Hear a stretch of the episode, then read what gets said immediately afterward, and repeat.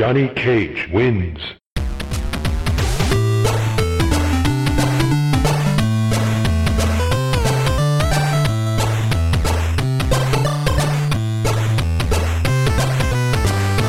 Welkom bij Buttonbashers aflevering nummer 61. Eh, de, ja, de eerste van eh, seizoen 6, zo noem ik het maar. Ooit hebben we eens een keer bedacht dat we iets met seizoenen gingen doen, jongens. Maar ja, er is eigenlijk niet zoveel meer van gekomen, hè Niels? Nee, dat klopt. Dat zijn we wel een beetje vergeten, inderdaad, ja. Ja, maar ja... Steeds begint- een nieuwe jingle met ieder nieuw seizoen. Ja, Ja, dat, was ook ooit niet, wel eh, het niet idee. gedaan. Nee. Nou Niels, er staat je een hoop, eh, hoop werk te doen. eh, nieuwe jingle, editen. Poeh. ja wie weet.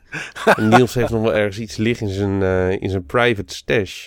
Ja, Ja. maar ik ben nu iets anders aan het editen. Oh ja. Oh, wat ben je aan het editen? Een Oh, een album of niet? Oh, vakantiefilm. Ja. Daar was Oh, ik net mee bezig voordat we begonnen met de podcast opnemen. Ah, oké. Maar ben jij dan zo iemand, zeg maar, net zoals met Michael Jackson, dat als die straks, eh, hopen dat dat nog echt heel lang duurt hoor, maar Mhm. komt te overlijden, dat ze dan nog allemaal liedjes vinden die niet afgemaakt zijn of waar nooit iets mee gedaan is? Eh, nee. oh, zo erg is het niet. nee, zeker niet. Nou, jij ook niet, Steve? Heb je niet ergens nog een kluis met, met tekeningen die je vroeger hebt gemaakt of zo? Of dans voor eh, dansoptredens?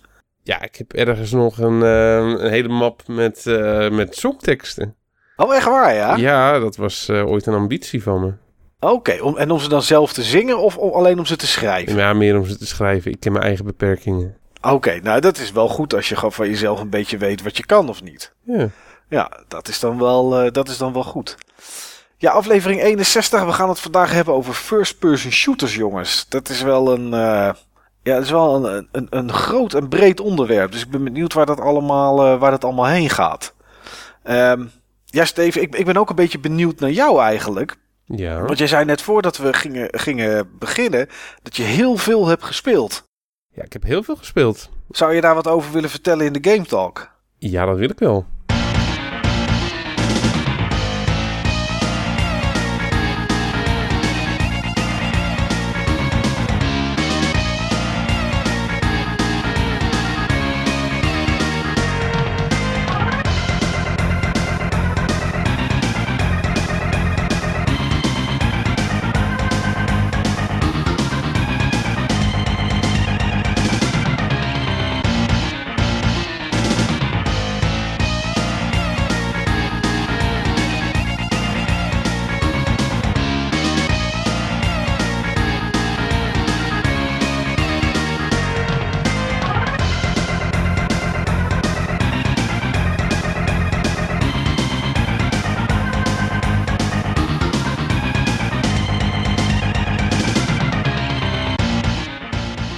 Ja, Steve, vertel het maar. Wat heb je allemaal gespeeld?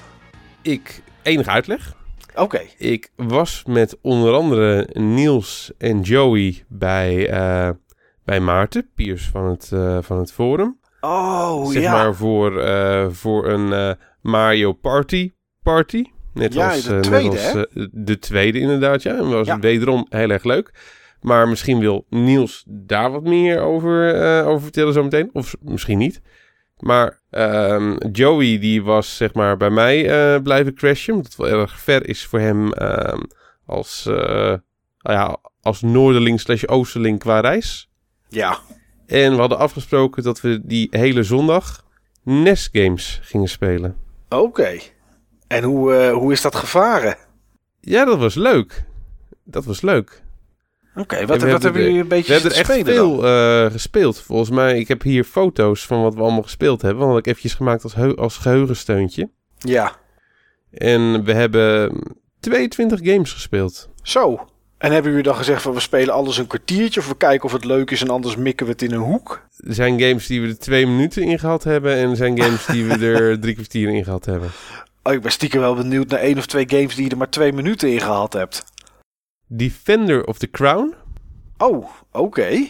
Ja, dat, dat, het was ook een beetje de timing eh, waarop we Ja, dat erin hadden ik. gedaan. Dan, oh, en eh, welke bereidheid je hebt om je in zo'n game te verdiepen.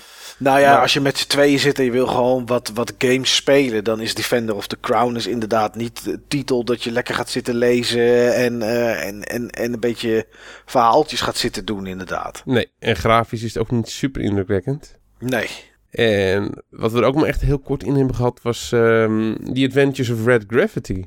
Oh, En dat, die. dat, vond ik Ja. vroeger, dat vond ik vroeger zo'n leuk spel. Maar, oh, die muziek. Die vreselijke muziek. Echt, ik wist niet hoe snel het ding eruit moest. Oké. Nou, dan zijn dat in ieder geval twee titels waar je voor de rest niks eh, over hoeft te vertellen. Maar wa- wat hebben jullie nog meer gespeeld wat wel, eh, wat wel beviel? Ja, we vonden Batman vonden we toch allebei wel heel erg tof. Ja, is het ook. Die, dat is gewoon echt een hele goede, eh, hele goede game. En gave muziek ook. Die, eh, ja, dan, dan speel je zoiets. En dan, eh, dan heb je daarna, zeg maar, Red Gravity. Nou, het was... ik, wist, ik wist echt niet meer dat die muziek gewoon zo slecht was. Je kan het niet eens muziek noemen. Maar dat vonden we echt heel erg tof. Wat we ook... wat we ook tof vonden was Double Dragon 2. Maar ja, daarvan weet ik eh, tot, het, tot het tof is. Ja. Ja. Had Joey nou moeite met de controls, zoals zoveel blijkbaar op het forum? Eh, ja, het springen. Maar dan moet je even, eh, dan moet je even door hebben. Ja, maar dat springen is op zich in elke Double Dragon zo. Maar bij Double Dragon 2, daar heb je knoppen voor naar links of naar rechts slaan. Dus dan moet je Ja. rekening houden met je oriëntatie. Eh, had hij vrij snel door. Ah, dat is netjes. Ja, eigenlijk was het Second Nature. En ik heb dat spel zoveel gespeeld. Nee, dat, eh, dat daar heb ik geen moeite mee. Nee, oké. Eh, wat we ook echt heel erg tof vonden was eh, Trojan. En Hadden we het daar ook niet vorige keer over? Ja, die titel komt me bekend voor, maar ik ken de game voor de rest niet echt. Game die je vaak had gehuurd, toch? Ja, Of klopt. één keer had gehuurd, maar eh, te moeilijk vond of iets. Ja, oh, wat klopt. goed onthouden, Die is, inderdaad, eh, die is er inderdaad ingegaan. En eh, die vonden we echt eh, heel erg tof. Eh, Oké. ja, eigenlijk wel hele vette, vette gameplay. Joey was er ook redelijk goed in. Eh, wat we ook allebei echt tijd hebben gespeeld was Punch-Out. Ja, maar dat is natuurlijk ook een toffe game. Dat is ook echt een toffe game. Was deze week in het nieuws, hè, Punch-Out? Ja, want eh, er was een nieuwe Easter egg of trucje was er zeg maar gevonden. Eh, daar heb je het denk ik over, of niet? Klopt. Ja, Iets ja. wat, wat de timing eh verraden van het ontwijken van bepaalde aanvallen... en dan zeg maar iemand knock-out kunnen slaan op precies het juiste moment. Ja, was een gast in het, pu- in het publiek of zo met een baard. En als die soort van knikt of voorover buigt, dat is het Ja. moment dat je moest drukken. Klopt. Ja, ja, grappig dat dat na zoveel jaar dat dat nu dan ontdekt wordt. Ja. Ja, En het spel wat we het allergaafst vonden... had Joey ook nog nooit van gehoord. En ik had het van tevoren gespeeld, eh, voorspeld dat hij het gaaf zou vinden. Powerblade. Volgens mij had ik het daar ook over gehad in de vorige uitzending. Dat was ook een spel wat ik huurde. Powerblade. Ja, Powerblade. Het Zo gaaf. Zo gaaf. Zulke goede muziek. Oh, Zulke goede ja. gameplay. Goed level design. Ik, eh, ik wist dat het een gave game was, maar ik wist eh, niet meer dat het zo'n gave game was. Ja, tof is dat, hè? Dat je dan zo'n game die je dan... Want je had hem zelf staan, denk ik, Steve? Ja. Ja, dat je... Dit zijn die allemaal dan- mijn games. Oké, dat je die na zoveel tijd dan toch weer een keer erin in je nest stopt. En dat je denkt, oh, dit was toch eigenlijk wel nog beter dan ik dacht ook gewoon. Ja. Ja, super tof is Ja, dat. absoluut. Wat ik alleen nog steeds niet begrijp, is dat, eh, dat Joey Battle of Olympus niet leuk vond. Oh, Ja, Die vond dat ik is echt- ook een skill game. Hè? Joey is meer van de kansspellen. Ja, Joey is weer voor de kansspellen inderdaad. Ja, dat klopt. dus dat vond ik echt, eh, dat vond ik echt een heel tof spel. Daar heb ik echt, eh, echt van zitten genieten juist. En eh, ik, had, ik had juist zoiets voor jou, die wil ik binnenkort nog wel een keer spelen. En Oké. eh, dat, dat gaat er ook wel van, eh, van, eh, van komen. En eh, ja, eh, hij vond dat eh, minder. Ja, Oh, nou dat, ja, kan, dat kan. Dat kan. Tuurlijk, tuurlijk. Blijft subjectief. Maar dat is wel een mooie, een mooie nestzondag geweest dan, eh ja, Steve. zeker. Zeker. Ja, super gaaf. Allemaal eventjes gewoon, eh, ja, gewoon, gewoon lekker eventjes single-player games. Ja, ah, leuk man. Voor, ja, en een en, enkel, eh, enkele multiplayer dan. En sindsdien is Joey toch ook eh, Nes aan het verzamelen. Of verzamelen. Ja, dat deed In ik. had, al, ik had al aan de NES gekregen. Dat was zeg maar de reden waarom ik hem... ehm, was de reden waarom we dit überhaupt deden. Omdat ik hem al aan de NES gekregen had. Ja. Ah, Steve, je hebt, eh, ooit heb je Niels overgehaald voor de Mega Drive en nu Joey voor de NES. Ja, en de PC Engine. Oh ja, PC Engine natuurlijk ook. Die mogen we natuurlijk ook niet Heeft vergeten. honderden En- euro's gekost. Ja. En al die mensen die ik op Destiny heb gekregen. Oh man, dat heeft ze niet alleen, niet alleen euro's kogen, maar ook hun dignity. Ja, Och, zeker. man. Ja, maar wel cool. Heb je nog, heb je nog iets anders gespeeld voor de rest, eh, Steve? Ja. Ja, de Division. Oh, nog steeds? Ja, dan wil ik het eventjes over hebben. En heb Oké. je nog wat anders gespeeld, Steve? Grapje. Ga door. Ja, hier, en daar een, eh, een beetje Destiny, Destiny om voor te bereiden op de nieuwe update. Maar daar wil ik het niet over hebben. Waar ik het wel over wil hebben is de Division. Daar ben ik echt helemaal, helemaal op afgebrand. Oh, Ik voelde me, op een gegeven moment voelde ik mezelf gewoon echt knakken. Dus die gaat er voorlopig eh, niet meer in. Ik wil nog eventjes zeg maar een keer eh, de Platinum Trophy halen met de collectibles. Dat vind ik dan wel leuk. Want dan ben je die stad aan het verkennen. Maar man, die endgame. die, eh, die daily missions en zo. Ja, dan gewoon echt die hele endgame, joh. Echt dat, dat rondjes lopen in de, in de dark zone van baas naar baas. En van kratje naar kratje. Waar dan de vision tech, een material in zit die je nodig hebt om high-end dingen te craften. En hoe, hoe dat hele loot systeem eh, werkt. En waarvoor je überhaupt gewoon die loot moet hebben. Eigenlijk voor niks op dit moment. Nee. En eh, ja, die, zeg maar, ik, ik, de reden waarom ik zeg maar eigenlijk die game aan het grinden was, was om voor te bereiden op die, eh, op die incursion die deze week uitgekomen is, die, die raid. Ja, Maar dat is eigenlijk helemaal geen raid. hij is gewoon is voor vier man, Dat, toch? dat is een, dat is een horde mode voor vier man met, met 15 waves op twee moeilijkheidsgraden. Ja. Waarvan die ene goed te doen is en die andere echt heel pittig. Ja, ik, eh, ik, ben, ik ben blij dat ik gestopt ben toen ik de story missies uit had, denk ik. Ja, eh, eigenlijk, als ik heel eerlijk ben, ehm, is dat gewoon op dit moment het beste punt om te stoppen. Ja. Ehm, die endgame vind ik gewoon echt te kaal, te karig, te veel geënt op grinden. Ja, dat is zonde. Ja, Dat is zonde, want inderdaad, eh, eh, die incursion is, eh, is nu dan uit. Die eerste. En eh, ja, ik heb het nog niet gespeeld, dus ik, ik kan er voor de rest niks over zeggen. Maar ik heb zoiets van, ja goed, weet je, dat ga ik een keer een avondje doen. En dat is het dan. En dan leg ik de game gewoon weer weg. Voor het moment dat er straks weer echte toevoegingen komen. Volgens mij komt de volgende maand nog eens één zo'n incursion. En daarna komt er echte DLC, als ik het goed heb. er komt nog iets tussendoor. En de volgende incursion zit in de eerste echte DLC. Ah, oké. Ik moest trouwens wel heel erg lachen om, eh, om ze noemen het loot trading. Maar dat is het, vind, ik vind niet dat, dat, dat is wel een hele... op de, op de grond laten vallen. Ja, je moet een item op de grond laten vallen, kan iemand anders het oppakken. Dat is toch geen loot trading? Dat is, eh, dat is geen loot trading, nee. Dat is gewoon... maar ja, eh, het, is, ja. geeft in ieder geval de mogelijkheid om, om loot te herverdelen. ja, maar je kan, Ook niet echt, je kan ook niet alles herverdelen. De echt goede spulletjes kun je Ja. niet op die manier laten vallen. Er zit een soort van beperking op. Oké. Nou, ik, eh, ik, ik, ik lees het en ik zie het voor de rest met ledenogen aan... totdat er weer echt iets nieuws mee Ja, ik, gebeurt. ik heb En, besloten eh, dat ik de game in principe, tenzij er echt iets heel fantastisch eh, komt, laat liggen totdat alle DLC uit is en alle updates die ze zeg maar voor dit seizoen gepland hebben. Ja, dus in december is dat volgens mij. Ja, ik denk als je dat zeg maar in één keer allemaal kan consumeren, Ja. oh wat gaaf, oh wat veel content, oh wat leuk. Maar ik denk dus als je het zeg maar steeds in kleine brokjes ehm, ja, voorgeschoteld krijgt, dat het gewoon net te karig is. Ja, Het is een beetje zeg maar alsof je een, ehm, alsof je gewoon een fatsoenlijke maaltijd ja, opknipt en in vijf gangen eh, probeert eh, te serveren. ik snap wat je bedoelt. Ja, aardappels zonder jus vind ik ook niet lekker. Eh, een beetje droge hap, dus het moet wel Nee, tegelijkertijd komen. Ja, ik heb me nu een beetje aan aardappels de kik gegeten. Ja, ja, dat snap ik. Nou ja, zonde, maar eh, nou ja, goed. Ja, het zou natuurlijk een overdosis kunnen zijn die je nu eh, genomen hebt, waardoor je straks eh, niet zo heel veel zin meer hebt om het nog een keer op te pakken. Tenzij je inderdaad doet wat je net zegt, eh Steve, gewoon wachten tot het eind van het jaar. En dan is er waarschijnlijk ook story, missie, Ja, DLC. dat- ik, ik denk dat, En, joh, ik heb echt genoten van die route naar de endgame. En ik denk op het moment dat er gewoon echt genoeg is om, om weer in te duiken. En het is niet, al, en het is niet altijd te grindy. Nee. Maar dat zien we dan wel weer. En anders is er iets anders. Nou, wel ja, er komt Ik nog heb genoeg ervan genoten. Het was zijn geld waard. En ik zou hem, op, zeker op de manier zoals jij hem gespeeld hebt, Mike, zou ik hem iedereen aanbevelen. Misschien heeft Niels wel iets heel tofs om jou aan te bevelen, Steve, om te gaan spelen. Ja, ik, eh, ik begin maar met eh, waar Steve het over had. Waar Oh ja. hij niet verder op inging met de Mario Party Party bij Maarten en Annemieke thuis. Ja, Eh, dat was voor mij de eerste keer dat ik die Mario Party speelde. Volgens mij was dat 9, toch, Steve? Eh, ik noem het de Mario Party met de, met de molens. Met de modus, ja. Het is op een Mario welke Party console die... was het? Hm? Op welke console was het? Die, Op de Gamecube.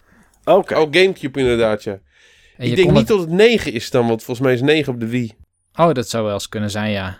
Nou ja, het is een Mario Party op de Gamecube en je kan die met acht spelers spelen. En dan speelt elke speler met een helft van een controller. Oké, acht spelers is dan eh, Mario Party 7. Oké, dan was het 7. Ja, dat, dat moet wel. Dat is de laatste die op de Gamecube is uitgekomen. En staat ook bij supports for up to 8 players with the 8-player joystick only game. Mario eh, Party 7. Ik heb het eventjes opgezocht. Dat bord heet Windmillville en is Mario Party 7. Oké, Ja, we hebben die gespeeld en ehm Steve en ik waren ook een team. Oké. En we hadden echt een vliegende start. Ik denk dat wij al op 7 sterren stonden toen de rest eh 1 of 2 sterren pas had. Ja, jongen, echt. We gingen als een speer. Als een speer. Als een speer. Maar ja, Mario Party zit heel veel geluk in. Dus je voelt hem al aankomen wie er dan links komt inhalen. Ja, Of rechts komt inhalen. de rest denk ik. Ja, we noemen het gewoon Joey. Ja. Maar ja, dat is ook standaard volgens mij bij Mario Party. Hè? Als je goed voor ligt en je komt aan het einde van zo'n bord, heb je gewoon in één keer veel meer pech dan normaal. Of de andere meer geluk. Ik weet niet welke Ja, je... ik denk dat onze strategie om gewoon steeds al onze muntjes te verbrassen... bij elke molen die we langskwamen, daar kon het niet aan gele- gelegen hebben. Die was Nee, gewoon, ja, kijk, de Onze strategie- strategie was gewoon sound. Ja, precies. Wij gingen voor een strategie om zoveel mogelijk onze resources te benutten. Ja, En de resources zijn muntjes. En dit bord met die windmolens, die draait om het investeren in windmolens. En het team wat het meest heeft geïnvesteerd in een windmolen is daar eigenaar van. En krijgt daardoor een aantal sterren. En Oké. Steve en ik hadden bijna alle windmolens op het bord. Maar omdat we alle muntjes hadden geïnvesteerd... Ja, dan verdeel je al je munten over heel veel windmolens. En dan We zit er hadden best onze wel weinig kansen in. te veel gespreid. Ja, we hadden de kansen te veel gespreid. En eh, dan zie je dus dat in de laatste drie rondjes of zo, dat de computer dan één molen van je overneemt. Dat eh, Joey en eh, Maarten speelden samen. Die namen dan, ik denk, twee, misschien wel drie molens van ons over. En eh Annemieke en Hanneke, die namen ook molens over. En volgens mij hadden wij aan het eind echt nul sterren nog over. Wat een nulmodus. Ja, we hadden ook geen bonus. oké. Weet je, je krijgt nee. nog eens vier bonussen of zo op het eind. Drie, drie geloof ik. Oké, Maar ik zag dit eigenlijk al eerlijk, als ik eerlijk was, ook gewoon als een experiment om te kijken of dit werkte. Ja, nou ja, kijk, in mijn hoofd klonk het als een goed idee om ervoor te zorgen dat je al je resources benut. Dat ik speelde Ja. het voor het eerst en Steve had het eh, al een keer eerder gedaan. Dus ik sloot me aan bij de gedachte dat als je je geld alvast ergens instopte, kon je het niet kwijtraken. En Er zit natuurlijk wel iets in. ja, en iemand die, eh, die al het geld spaart en dan bijvoorbeeld op het verkeerde vakje komt, waardoor er een Bowser Challenge of zo komt en die al zijn munten kwijtraakt. Ja, dat is, dat is toch een groot deel van de resources die je niet meer kan inzetten in het spel. Maar goed, alle windmolens kopen is niet de strategie om te winnen. Daar zijn jullie in ieder geval eh, op de harde leerschool. Ja, het hangt er ook een beetje vanaf van hoe alle kwartjes vallen natuurlijk, hè. Dat is waar. In de minigames en in, eh, en in alles. En gewoon inderdaad de geluksfactor. We noemen dat de factor Joey. De Joey Factor. Ja. De Joey factor. Maar als je dan die minigames speelt, zeg maar, doe je dat dan ook met alle spelers tegelijkertijd? Soms. Oké.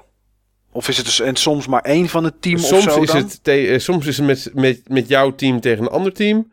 Soms is het met een vertegenwoordiger van jouw team eh, eh, tegen vertegenwoordigers van alle teams. Soms kan je zelf de vertegenwoordiger kiezen. Soms is het random. Eh, ja, het is heel divers. Oké. Nou, klinkt als best op zich een leuke Mario Party. Is het ook. ja, Is het Ja. ook.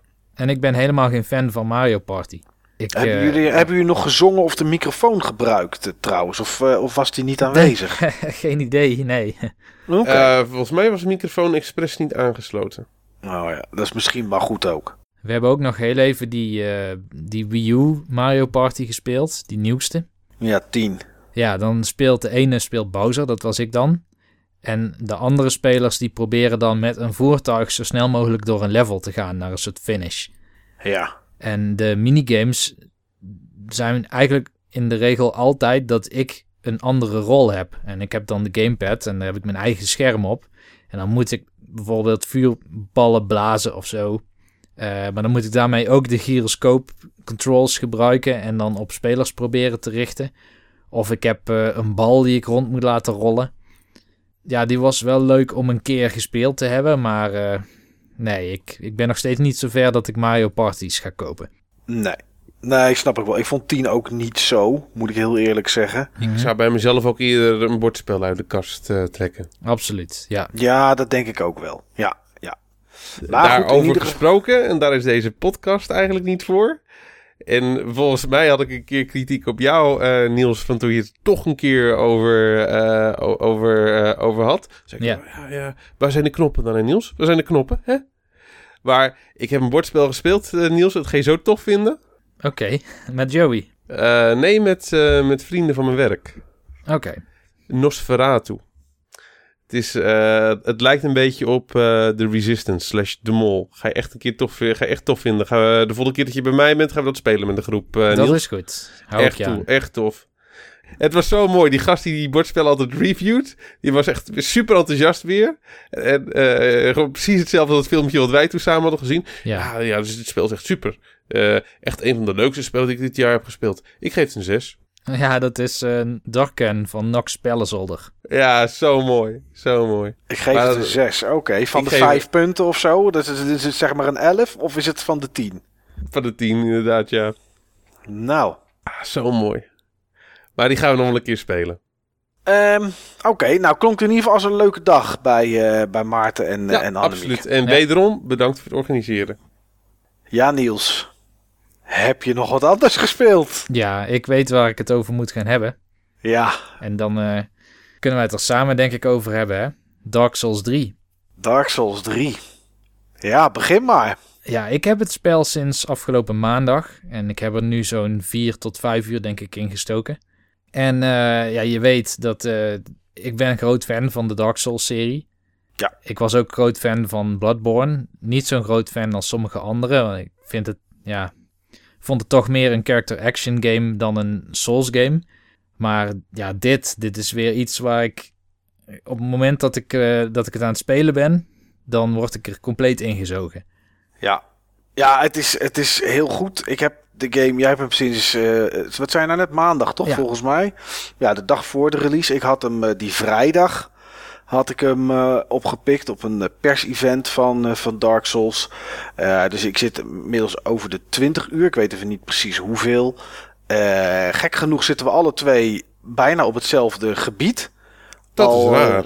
nou, ja en nee. Want eh, eh, ik weet een beetje wat Niels gezien heeft, zeg maar. Die heeft nog wel het een en ander gemist. Ehm, Ja, het ding is dat ehm, Dark Souls, het level design, eh, heeft heel veel krioelende of kronkelende gangetjes.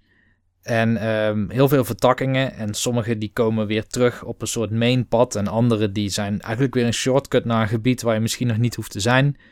Eh, maar ik heb dus blijkbaar een compleet deel van een wereld gepasseerd. En een hele bossfight ook gepasseerd.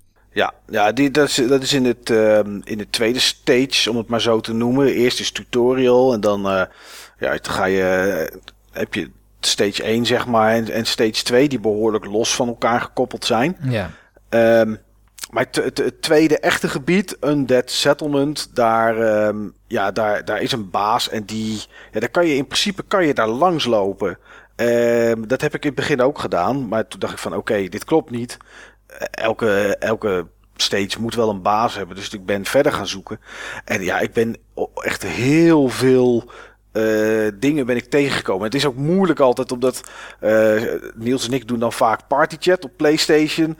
En dan eh, kunnen we een beetje vertellen wat we, hè, wat we beleven. Maar ja, omdat ik iets verder ben en wat meer dingen heb gezien en gedaan, is het soms ook wel eens lastig om niet te spoilen, zeg maar. En eh, daar heb ik het soms heel lastig mee omdat ik dan een beetje te excited word voor wat er in de game zit. Dus eh, ja, is, is, een beetje, is een beetje moeilijk af en ja toe. of je gaat ragen, hè? Ja, ja dat heb ik vandaag eh, twee keer gehad. Eén keer met Niels eh, en, en toen ik met Niels aan het praten was en één keer zonder. Want ja, goed, als je nog nooit een Dark Souls hebt gespeeld of misschien Bloodborne, voor het neerhalen van je tegenstanders krijg je zielen, krijg je souls. En die souls die kan je gebruiken om items te kopen en, daar, en kan je gebruiken om te levelen. En eh, ik wilde 20.000 souls bij elkaar hebben om een sleutel te kopen ergens voor een deur. Eh, dus vanmiddag was ik daar hard, hard naar op weg. Ik had er iets van 15.000 op een gegeven moment. Ehm, ja, toen ging ik dood. Nou, op zich is dat dan nog net niet zo heel erg, omdat je ze op kan halen. Alleen tijdens mijn eh, tocht naar het ophalen probeerde ik eventjes iets nieuws. En dat was super dom. En toen kukelde ik zo van een eh, gigantische grote rots af. En was ik kapot. Dus toen waren er 15.000 souls kwijt. En ongeveer een uur of twee later. Er zat eten tussendoor. Dus van, het duurt niet twee uur om die souls bij elkaar te krijgen. Maar ja, toen ik eh, daarna weer verder ging spelen. Toen had ik er 16.000. En toen gebeurde me eh, iets gelijks. Alleen was ik gewoon niet op tijd bij mijn souls datmaal om ze op te pikken. En werd ik door alles in de buurt kapot gehakt. Dus ik ben in totaal ben ik vandaag zo'n slordige 30.000 souls kwijtgeraakt. Wat een keer of vijf levelen is. Of die sleutel en ongeveer twee keer levelen, denk ik. Dus ik, ik was er wel een beetje zuur van eh, vanmiddag, Niels. Ja, dat is, eh, dat is Dark Souls. Ja, dat is, dat is. En ik weet het ook. En Dat is ook het de charme allemaal- van, eh, van Dark Souls. Is het ook? Is het Nou, ook? dat gedeelte op zich niet. Dark Souls heeft altijd nog een probleem met hitboxes. Ja. En dat is waar, eh, waar Mike nu bijvoorbeeld last van heeft. En ik heb dat ook gehad hoor. Dat er iemand op een trap omhoog klimt en die wil je eraf slaan. Maar om een of andere reden is de hitbox niet op de plaats waar je hem verwacht. En dan sla je doorheen en dan val je er vervolgens zelf vanaf. Ja. Ja, dat, eh, dat gebeurt inderdaad wel eens. En eh, nou ja, zoiets had ik dus de eerste keer ook toen ik mijn souls verloor. Maar ja, goed. Ehm, ja, wat vind je er voor de rest zonder spoilers te doen, Niels? Wat vind je er voor de rest van? Eh, nou, ik vind het sowieso echt een prachtige game om te zien. De Ja. art direction. Ik vind de wereld ook erg gaaf. Je ziet best wel veel eh, gerecycled worden uit, eh, uit andere Dark Souls delen, qua idee dan. Ehm, en content uit, eh, uit Bloodborne. Daar hadden we het ook over tijdens de party chat. Ja. Ik dacht van echt Hoe, hoe bedoel je met content uit Bloodborne? Tonnetjes, stoelen, dingen aan de muur. Je ziet echt gewoon elementen gerecycled worden. Ik weet bijna zeker dat het uit Bloodborne komt. Het lijkt er zo sprekend op. Ja, ja, ze zullen vast wel iets aangepast hebben, maar heel minimaal inderdaad. Ja, ja ook tegenstanders. In, in, in Bloodborne heb je veel, ja, een soort van, noem het maar, soort boze boerenvolk met, met hooivorken. ja, en, daar heb ik ook nog tegen gevochten. oh ja, nou, dat soort Een van de weinige vijanden waar ik eh, nog eh, tegen gevochten heb. Ja, nou, dat soort figuren heb je het gevoel dat misschien als je ze naast elkaar zet dat het niet zo is hoor. Of, of, of dat er wel iets van verschil in zit. Maar ze lijken best wel veel op elkaar. Dus ja, wat dat betreft eh, klopt dat wel wat Niels zegt. Dat, dat is wel een gevoel wat, eh, wat naar voren komt. Maar ook van die wereld inderdaad. Ja, het- het- al die paadjes en die wegen. En op elk hoekje is wel, is wel iets te vinden. Het is, ja, het is zo'n gigantische speurtocht. Ja, ik verdwaal zelfs regelmatig. Ja, En dan Ja. hoop ik dat ik ergens weer een gang vind waardoor ik terugkom bij een lantern of misschien bij een nieuwe lantern. Maar eh, ja, in dat, dat derde gebied, zeg maar na die baas die ik dan overgeslagen heb, Ja, de Road of Sacrifices is dat in dat, in dat bos. precies. Ja. Ja, daar eh, was ik ook al meteen weer verdwaald.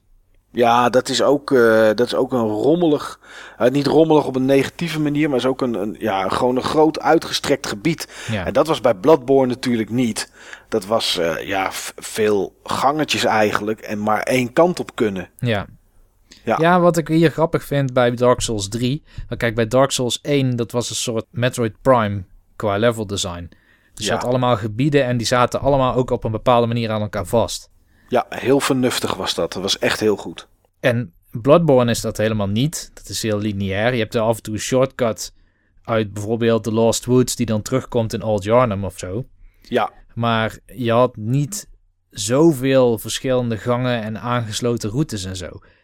En ehm, Dark Souls 3 is een soort tussenvorm. Want Ja. aan de ene kant ehm, zijn al die stages, zoals jij ze noemt, op zichzelf staand. ja, Ehm, dus eh, ze zijn niet, eh, laten we zeggen, ik heb nog niks ontdekt in het derde gebied wat teruggrijpt naar het eerste. Of in het tweede gebied wat eh, teruggrijpt naar het eerste gebied. Nou ja, dat Nee. wel trouwens. ja van, het, van het eerste naar het. Nou, nee, van het eerste, van de, van de, eh, de, de, de high wall naar de undead settlement, tussen Mhm. tweede en derde, heb ik geen pad gevonden om terug te lopen. Nee, Nee, dat is er niet. nee, maar de stages op zichzelf, die zijn wel heel erg interessant en heel, eh, ja, echt doolhofachtig. Ja. En tot nu toe ook behoorlijk divers. Ja. Het is of eh, straten of, of een kasteel, nu in een bos. Dus weet je, het, die afwisseling is daar wel. En wat ik zelf wel mooi vind aan deze Dark Souls, is dat het iets meer probeert om eh, zeg maar de wereld iets te laten vertellen. Want je hebt veel NPC's Ja, in dit deel.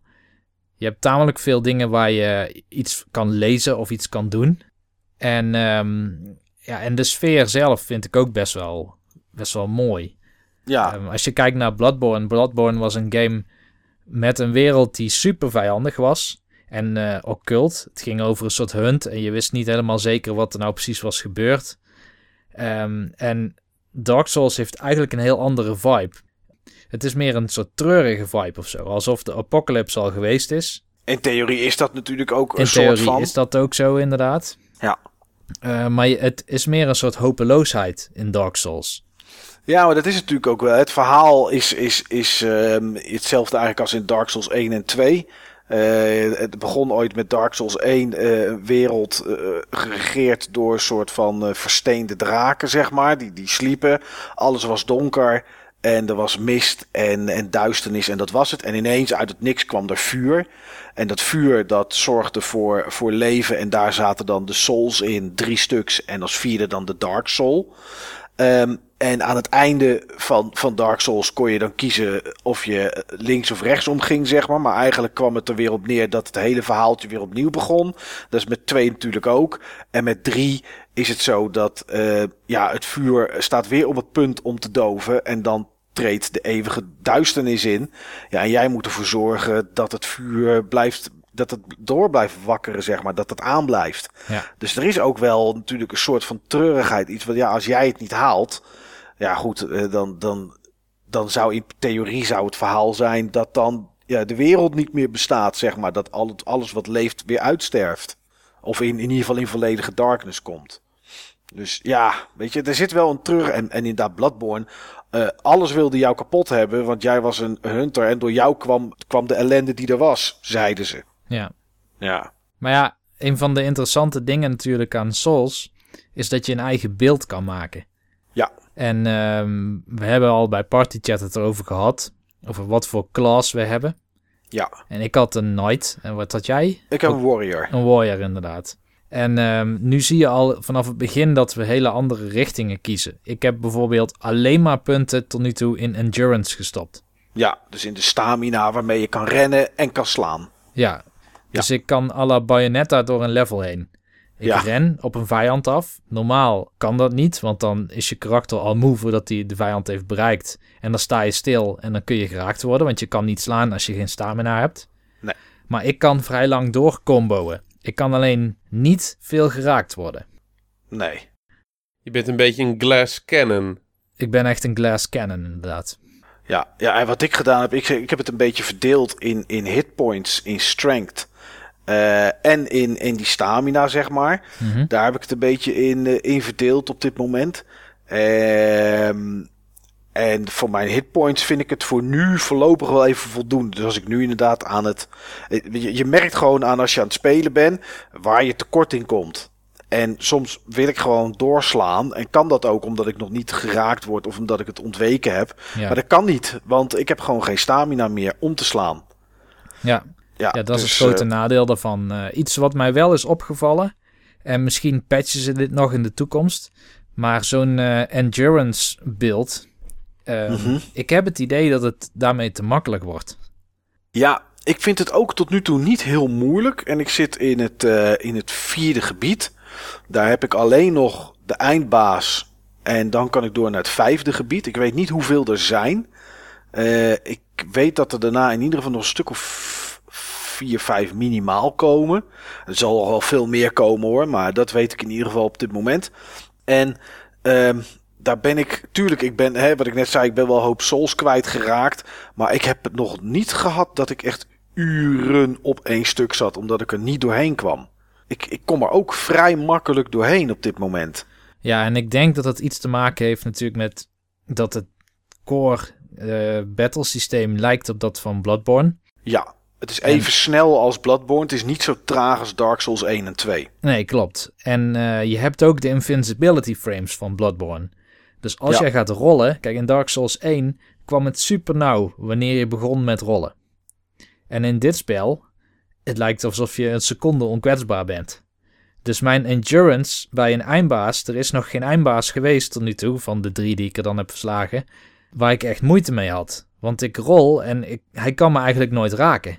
Nee. Ehm, ja, ja, ja, daar komt misschien nog verandering in. Ja. nou ja, ik moet wel zeggen, die, uh, die eindbaas van het tweede gebied. Ja, de Fort of Boreal Valley. Ja, daar ging ik de eerste keer wel genadeloos af. Ja, maar dat heb ik, uh, dat heb ik tot nu toe bij elke eindbaas gehad. Dat is, uh, ja, het is, het is elke, elke eindbaas is anders. Bij Bloodborne was het veel rollen, ontwijken en slaan. En hier zitten toch soms wat meer trucjes aan en iets meer puzzel-element. Ja, en meer Ja. element. Ja, sowieso. Ja. Klinkt wel leuker, als ik eerlijk ben. Is het, eh, ja, is het ook. Als, je nu, eh, als, als ik nu Bloodborne zou spelen, zou ik me er prima mee vermaken. Ik vond het echt een geweldige game en nog steeds.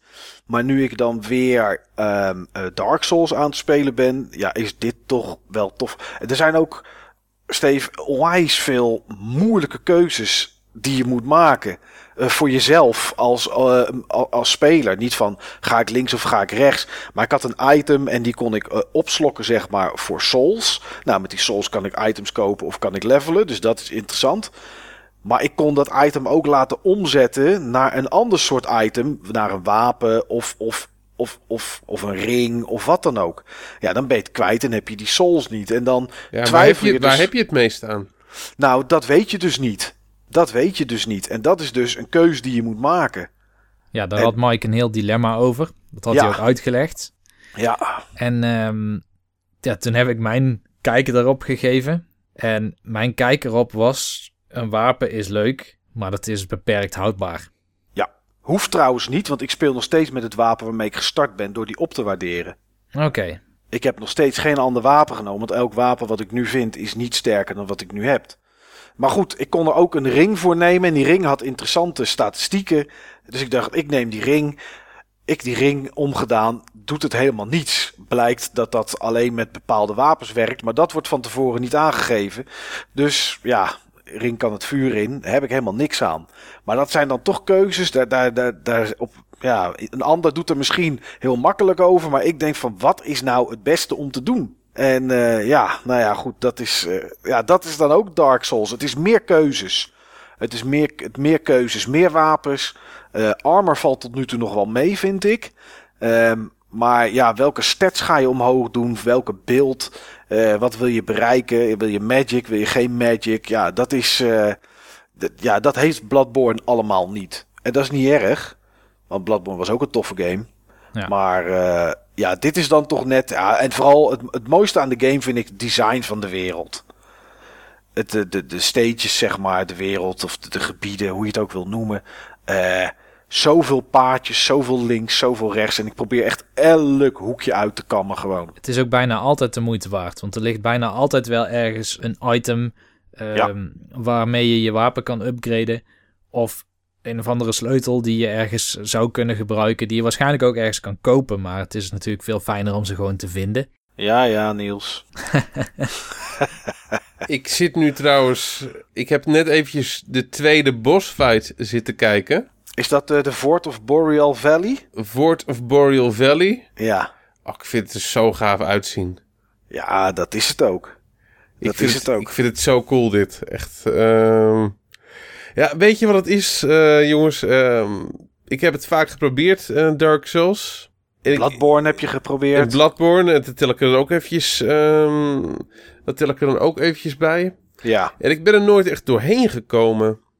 Ik moet wel zeggen, Bloodborne dus heb ik geprobeerd in een periode waarin ik eigenlijk nog vuistdiep in Destiny zat. ja, dat klopt. Eigenlijk heb ik dat ook geen serieuze kans eh, gegeven. Maar die, die sfeer van, eh, van Bloodborne en de sfeer van Dark Souls, het is wel echt anders. Ja, is ook. Ja, En die sfeer van Dark Souls spreekt me wel, als ik eerlijk ben, een stuk meer aan dan, eh, dan Bloodborne. Ja, Bloodborne was, en het, daar had ik het vanmiddag met Niels nog over, en dat is ook gewoon zo. Bloodborne was alles donker.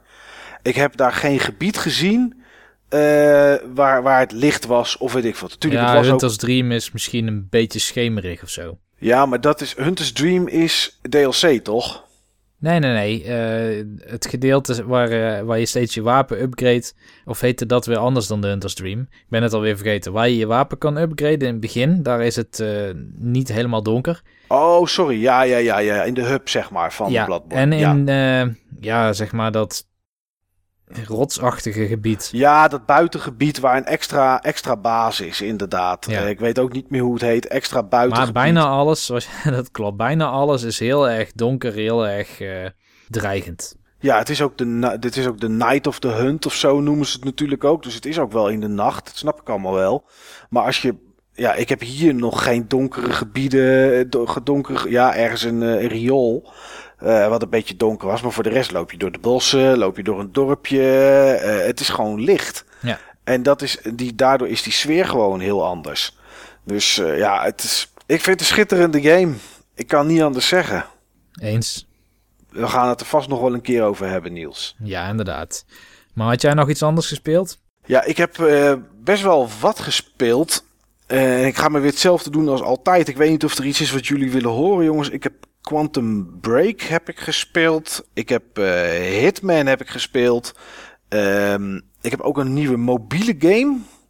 Crash, eh, Clash Royale heb ik, eh, of Royale, heb ik, ben ik ook aan het spelen op dit moment redelijk. Is dat van Clash of the Titans? Ja, Oh, ik heb die re- reclame zo vaak al gehad op YouTube. ja, Van Clash Royale.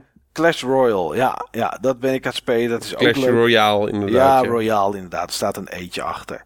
Ehm, ja, is er, iets, is er iets wat jullie willen... Wat, dat je zegt van, vertel daar maar iets over? Ja, als het aan mij ligt, Quantum Break. Ja, Als het aan kan. mij ligt, Quantum Break. dat kan gewoon.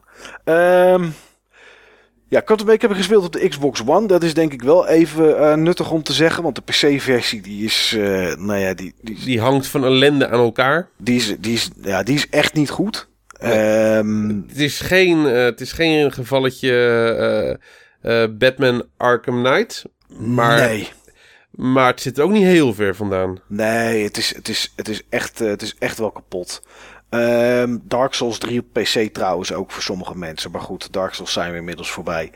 Ehm, ja, Quantum Break gespeeld op Xbox One.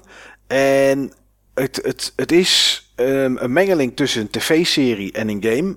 En de tv-serie zijn vijf fragmenten, zeg ik even uit mijn hoofd. Kunnen er ook vier zijn, maar volgens mij vijf. En die duren per stuk ongeveer 15 tot 20 minuten. En bij die order 1886 heb ik het vergruist. Omdat ik daar echt, ik vond het echt belachelijk. Ehm, bij Quantum Break voelt het net iets anders aan. Omdat ze voor de, voor de tv-series gewoon echte acteurs hebben. Dat is gewoon echt live action, is gewoon echt tv. Wat je op tv zou zien. Enorm hoge productiewaarde. Ja, wil niet zeggen gelijk enorme hoge kwaliteit. Maar de productiewaarde is in ieder geval wel, eh, is in ieder geval wel hoog. Ehm, het enige nadeel daaraan is. Nee, er zijn meerdere nadelen aan. Een van de gro- grotere nadelen is. Je moet van alle twee wel heel erg houden. Je moet er wel voor openstaan om dat te willen spelen en te willen zien. Want je speelt misschien een uurtje, anderhalf, zoiets denk ik, ehm, per, per episode. Ja, en daarna krijg je een keuzemoment. De keuzemoment is dan altijd met de bad guy, met, met jouw tegenstander. Die kiest dan de, de weg op die zijn bedrijf opgaat, een kant. Ehm, en daarna krijg je dan 15 tot 20 minuten tv-serie. En dat herhaalt zich dan vier keer. En dat is de game. Dus met een uur of 8 tot 10 ben je er in principe ook wel doorheen. Het, het vervelende aan de tv-serie is dat die eigenlijk los staat van wat er, in de, wat er tijdens de gameplay gebeurt. De tegenstander, de grote tegenstander in de game is wel hetzelfde. De, wel hetzelfde figuur, is wel hetzelfde persoon als dat je in de tv-serie ziet. Maar in de game gaat het om Jack Joyce. Dat is de persoon die jij bent en zijn weg om eh, het stoppen van de tijd te stoppen. En in de tv-serie... Iceman van, eh, van, Van X-Men. Films. Ja, of als je eh The Following hebt gekeken, die tv-serie. Daar was die, da- daar, daar was die FBI-gast in drie seizoenen lang. Alleen in de, in de tv-serie gaat het over Monarch Industries. Of Monarch Solutions. Ik weet niet eens welk, hoe, het precies meer heette. Maar in ieder geval Monarch. En dat is het bedrijf van de, van de, ja, van de bad guy. Alleen iedereen die je daar bijna in ziet, zie je niet terug in de game. Dus als je alles skipt van de tv-serie, je denkt, nou, ik druk dit door, dan heb je nog steeds eigenlijk het verhaal van de game en snap je het allemaal prima wat er gebeurt en waar het naartoe gaat. En dat vind ik wel heel... Kruist dat... het niet zich ergens van dat je toch wel... Nee, Nee? Nee, het, het, het, het meest eh, eh, kruisende wat er kan gebeuren is dat tijdens het spelen zijn er quantum, quantum ripples. Dat is eh, ja, een soort eh, eh, eh, eh, ripple effect, zeg maar. Ehm, een golf, golvend effect. Jij kan bijvoorbeeld een item vinden of iets aandoen of iets uitdoen. Heel sumier is het. En dan krijg je bovenin je beeld krijg je dan een tekentje. En dat tekentje betekent dan van hé, hey, je hebt iets gedaan. En dat heeft aan het einde van het, je speelsessie heeft dat invloed op de, mm, eh, op de tv-serie. Dan zou je denken van oké, je kan echt iets beïnvloeden, maar het is tussen meer. Een, een, een mooi voorbeeld, wat voor de rest geen spoiler is, is dat ehm, ergens vind je een audioboek. Dat audioboek dat zet je aan en dat gaat zich, ehm, ehm, dat speelt af en dat gaat dan over het intercomsysteem van Monarch, van de tegenstanders. Nou, dan hoor je wat mensen terwijl je aan het spelen bent over de, over de intercom van hé, hey, wat is dit en bla bla bla. Nou, eh, anderhalf uur later zit je in, die, in dat stuk tv-serie. Komt iemand ruimte binnen. Die hoort dat audioboek ook. Die zegt: Wat is dit? En dan zegt iemand anders: Ja, weet ik niet. Het, het speelt, maar we weten niet waar het vandaan komt. Nou, en dan gaan ze verder. En dat is het. Dat is Sumir. Dat is heel sumier. En er zijn, ik heb ze allemaal gevonden, gevonden al, die, al, die, al, die, al die ripple effect dingen. En er zijn ook momenten geweest dat ik dacht, ik heb geen idee wat ik hier nou voor invloed op heb gehad. Nou, dat, dat is een beetje, helaas is dat een beetje met alles in de game. Je hebt, zoals ik net zei, keuzemomenten. In het begin kan je kiezen, oké, er zijn um, um, getuigen. Wat ga ik met die getuigen doen? Leg ik die om? Dan keert iedereen zich tegen mijn bedrijf. Of um, gebruik, ik die, uh, gebruik ik die mensen om zeg maar een soort politiek spel te spelen. En Jack Joyce, de hoofdpersoon die jij speelt, om die in een kwaad daglicht te stellen. Nou, als je ervoor kiest om die mensen af te maken, dat je denkt van nou, hup, die, die, die maak ik af. Zijn is die persoon die daar staat, is er inderdaad niet aan het einde van de game tijdens gameplay. Die is er dan niet meer, want die is, hè, die is afgemaakt. Maar doe je dat niet en laat je diegene leven, dan doet diegene eigenlijk, dat doen ze eigenlijk een soort Walking Dead um, van Telltale. Die persoon is er dan wel, maar alles wat die persoon zegt, kan je eigenlijk net zo goed weglaten. Dan staat die persoon staat ergens en die zegt: hey, misschien is dit interessant. Of hey, misschien moeten we even op deze computer kijken. Ja, als die persoon dat niet had gezegd, had jij toch wel op die computer gekeken. Want dan is een collectible en um, uh, of het is iets voor de missie die je aan het doen bent, voor het verhaal. Dus die personen zijn eigenlijk gewoon ja, non-existent, zeg maar. Weet je, die hebben gewoon geen bestaansrecht. En dat is, en dat is wel een beetje jammer. En uh, het grotere jammeren, en dat is het laatste jammeren wat ik noem, want daarna gaan we naar de echt toffe dingen. Het grote jammeren aan het hele verhaal is, en er zit heel veel verhaal in, in, in die game. Want uh, er zijn heel veel collectibles. Dat zijn dan e-mails. Ellenlange e-mails. Die dan slaan op de cutscenes die je tussendoor ziet op de tv-serie. Uh, dat zijn dan mensen onderling van het bedrijf Monarch die met elkaar mailen. Nou, dat kan je dan lezen. En dan heb je achtergrond over, over wat er een beetje gebeurt en zo. Al heeft het niet zoveel met jou te maken. Ja, af en toe noemen ze je naam eens en dat is het dan. Maar, um, weet ik even niet meer waar ik naartoe wilde. Ah, damn, wat slecht. Nou goed. Um, maar er zijn ook een heleboel toffe dingen aan de game. Um, grafisch is het denk ik wel het meest bijzondere wat ik gezien heb. Ik zal niet zeggen het meest mooie, want de game draait op 27p en dan weer op een andere resolutie. Daar wordt tussen geschakeld. Af en toe zie je bij je hoofdpersoon zie je een soort van ghosting. Dat is echt heel lelijk. Um, soms lijkt het gras op het gras uit Minecraft. Dat is allemaal een beetje jammer. Maar de trucjes die ze grafisch uithalen. En, en, en ja, Niels, jij kent alle timeworpen. Ja, jij kent alle technische termen er natuurlijk bij. En weet of het echt bijzonder is. Maar je, je loopt op een gegeven moment gewoon ergens. En er komt een trein door een, een trein door een gebouw heen zetten.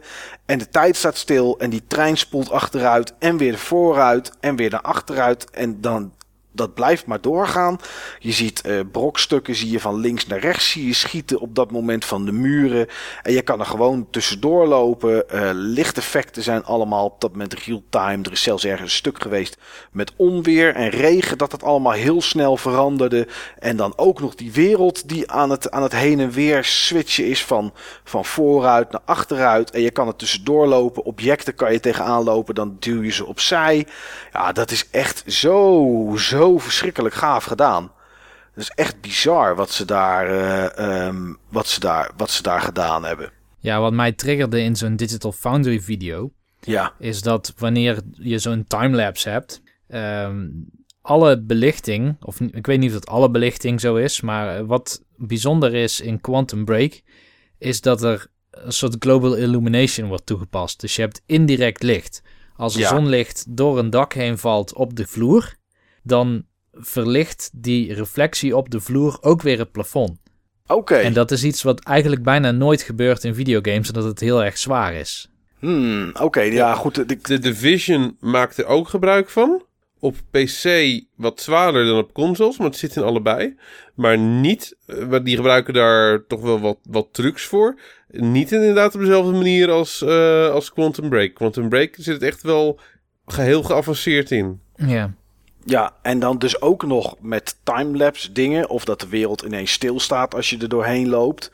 Ja, dat is gewoon bizar. Dat is echt super gaaf gedaan. Het combat systeem is ehm, een, beetje, een beetje wonky. Is niet het meest geweldige.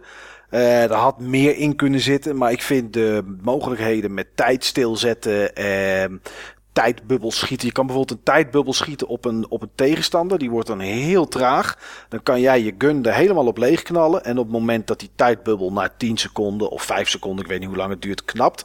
Dan vliegen in één keer al die kogels vliegen dan door en schieten op die tegenstander in. Ja, het is een trucje wat misschien snel oud wordt. Daarom is het maar goed dat de game niet extreem lang is. Maar je krijgt er wel steeds meer abilities bij. Ehm, tijd stilzetten en rennen en dan takedowns doen en dat soort dingen. Ja, ik vond het echt, eh, ik vond het echt een hele toffe game om te spelen. En ehm ben wel twee keer in slaap gevallen tijdens die tv-series. ja, dat lijkt me ook. Ja, want dan zit je te spelen, s'avonds een uurtje of tien. Nou, heb je anderhalf uur gespeeld, is het half twaalf. Denk je, oké, nog even een stukje tv-ding kijken. Ja, dan kan je controller gewoon wegleggen. Eh, het duurt zo lang dat de controller van de Xbox One ook gewoon uitvalt. Ik geloof dat dat een kwartier is en dat gebeurt elke keer. Ja, dan zit je te kijken en als er dan even niks bijzonders gebeurt... en dat ja, gebeurt helaas wel af en toe te vaak in die tv-serie... ja, dan eh, kukel ik gewoon in slaap.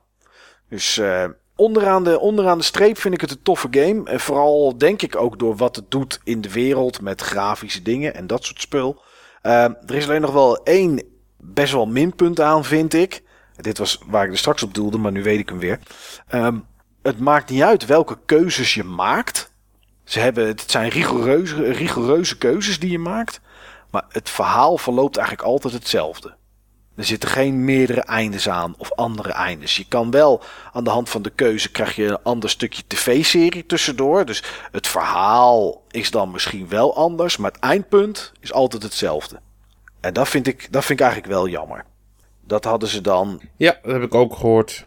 ja, dat hadden ze dan wel, eh, dat hadden ze dan wel iets anders mogen doen voor zo'n groot opgezette game. Maar ja, goed, er zijn allerlei theorieën waarom de game zo is zoals het is. Microsoft had natuurlijk ooit zijn eigen tv-divisie. En eh, ja, daar werd dit een beetje doorheen geduwd. Eh, ja, goed, we zullen het zien als Remedy nog een keer een game maakt. Wat, daar, eh, wat daarvan terecht komt. Het, het gevoel is in ieder geval wel dat de game eigenlijk nog niet af was. Terwijl die toch wel een behoorlijk lang erover gedaan heeft om uit te komen. En ook uitgesteld is geweest. Maar ja, ehm, wat ik zei, onderaan de streep vind ik het wel echt een toffe game. Ehm, en dat, ja, het is, het is wel eh, het is pure actie op het moment dat er actie is. Dat is chaos, het is rennen, stilstaan. Het is cover-based shooter, maar eigenlijk, je kan zelf geen cover nemen. Hij doet zelf bukken achter, achter auto's en achter muurtjes, omdat, ja, dat is eigenlijk ook gewoon dodelijk om te doen, want de tegenstanders omsingelen je en schiet die van alle twee de kanten kapot. Je kan geen armor upgraden. Zijn maar eens een wapen of zes, zeg ik even uit mijn hoofd, vijf of zes wapens. Het gaat echt om de powers van je tijd en wat je daarmee doet. En eh, Ja, goed, dat is, eh, dat, dat is wel even wennen. Je kan niet achter een muurtje gaan zitten zoals bij de Division of bij Gears of War. En dan af en toe je kop om het hoekje steken en schieten. Want dan ben je binnen 10, 20 seconden ben je dood. Kan je die series eigenlijk skippen? Ja, kan je skippen. Oké. Voor de Xbox One worden ze gestreamd en je kan ze downloaden. Downloaden kost je 75 GB op je harddisk. Omdat er natuurlijk elke keer keuzes zijn. Of eh, linksom of rechtsom. Eh, en daar wat variaties op. Eh, die worden in 1080p worden die op je beeld eh, gedrukt. Dus dat neemt nogal wat harddiskruimte in. En op de PC kan je ze alleen streamen. Daar kan je het pakket niet, eh, niet downloaden.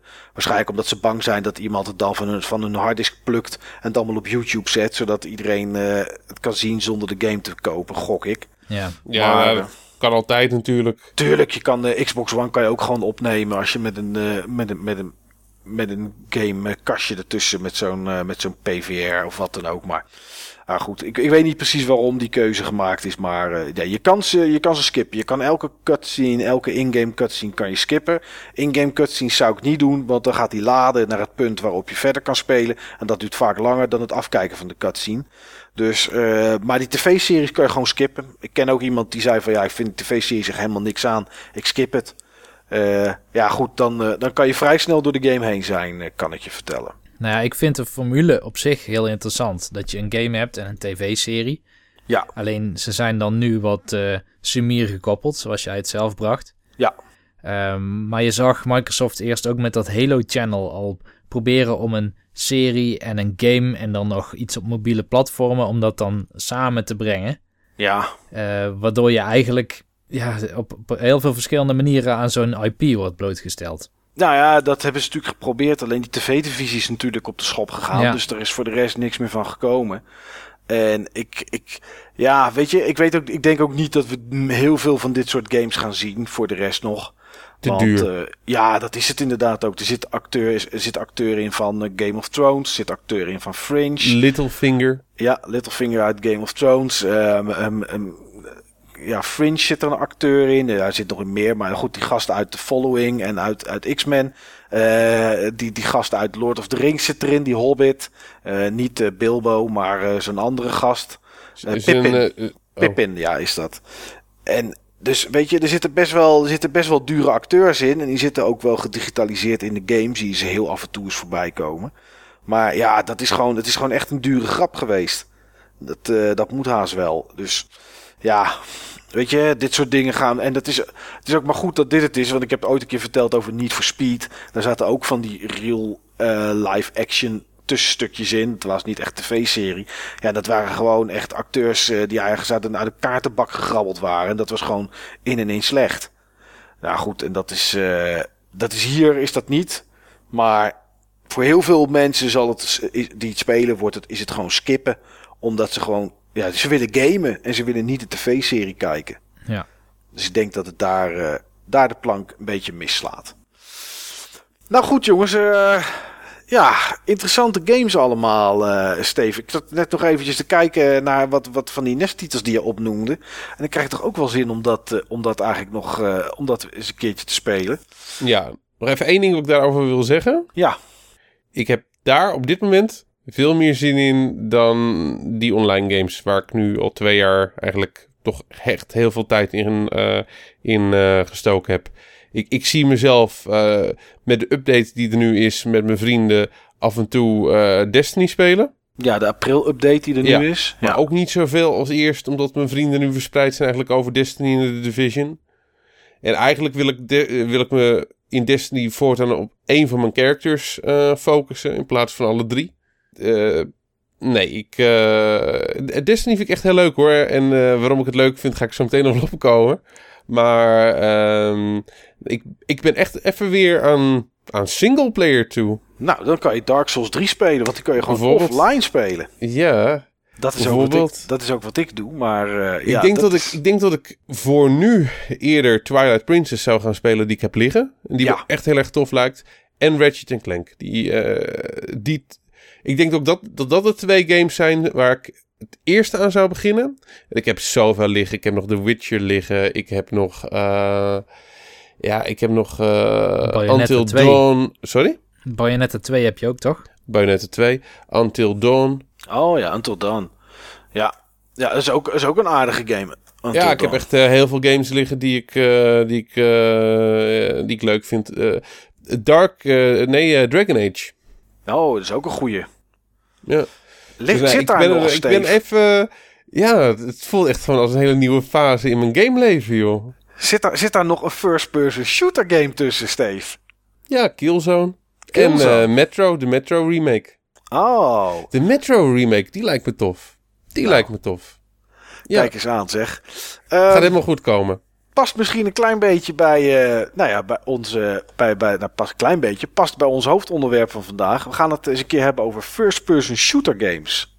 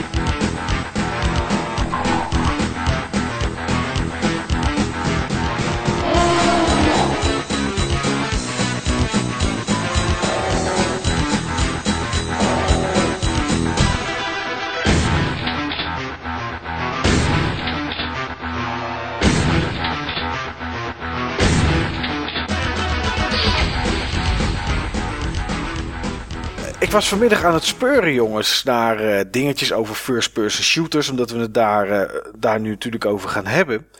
En toen bedacht ik me eigenlijk, en het is natuurlijk een beetje smerig dat ik die vraag aan jullie ga stellen, behalve als jullie het antwoord weten. Wat was de eerste first-person shooter game ooit? Steve, heb jij enig idee? Ik denk niet dat het Wolfenstein is. Nee, zeker niet. Ehm Dat is, is ook, dat kan ook je antwoord zijn. Hè? Ik, Ik- ik nee, kende, nee, nee, ik, ik denk dat echt een... eh, je mag ook, ik mag ik ook denk een, dat echt een game uit het eh, Vector-tijdperk is. en, en je mag ook een jaartal noemen dat je denkt, nou weet je, eh, toen zou misschien de eerste first-person shooter game zijn geweest. Want qua titel kende ik ze ook alle twee Ik denk, laat, ik denk laat jaren zeventig. Oké, laat jaren 70. Ah, Oké, Niels, heb jij enig idee? Ehm, ik zou zo snel niet weten wanneer de eerste zou zijn. Maar bij first person shooter, als we ook die game met die tanks meetellen.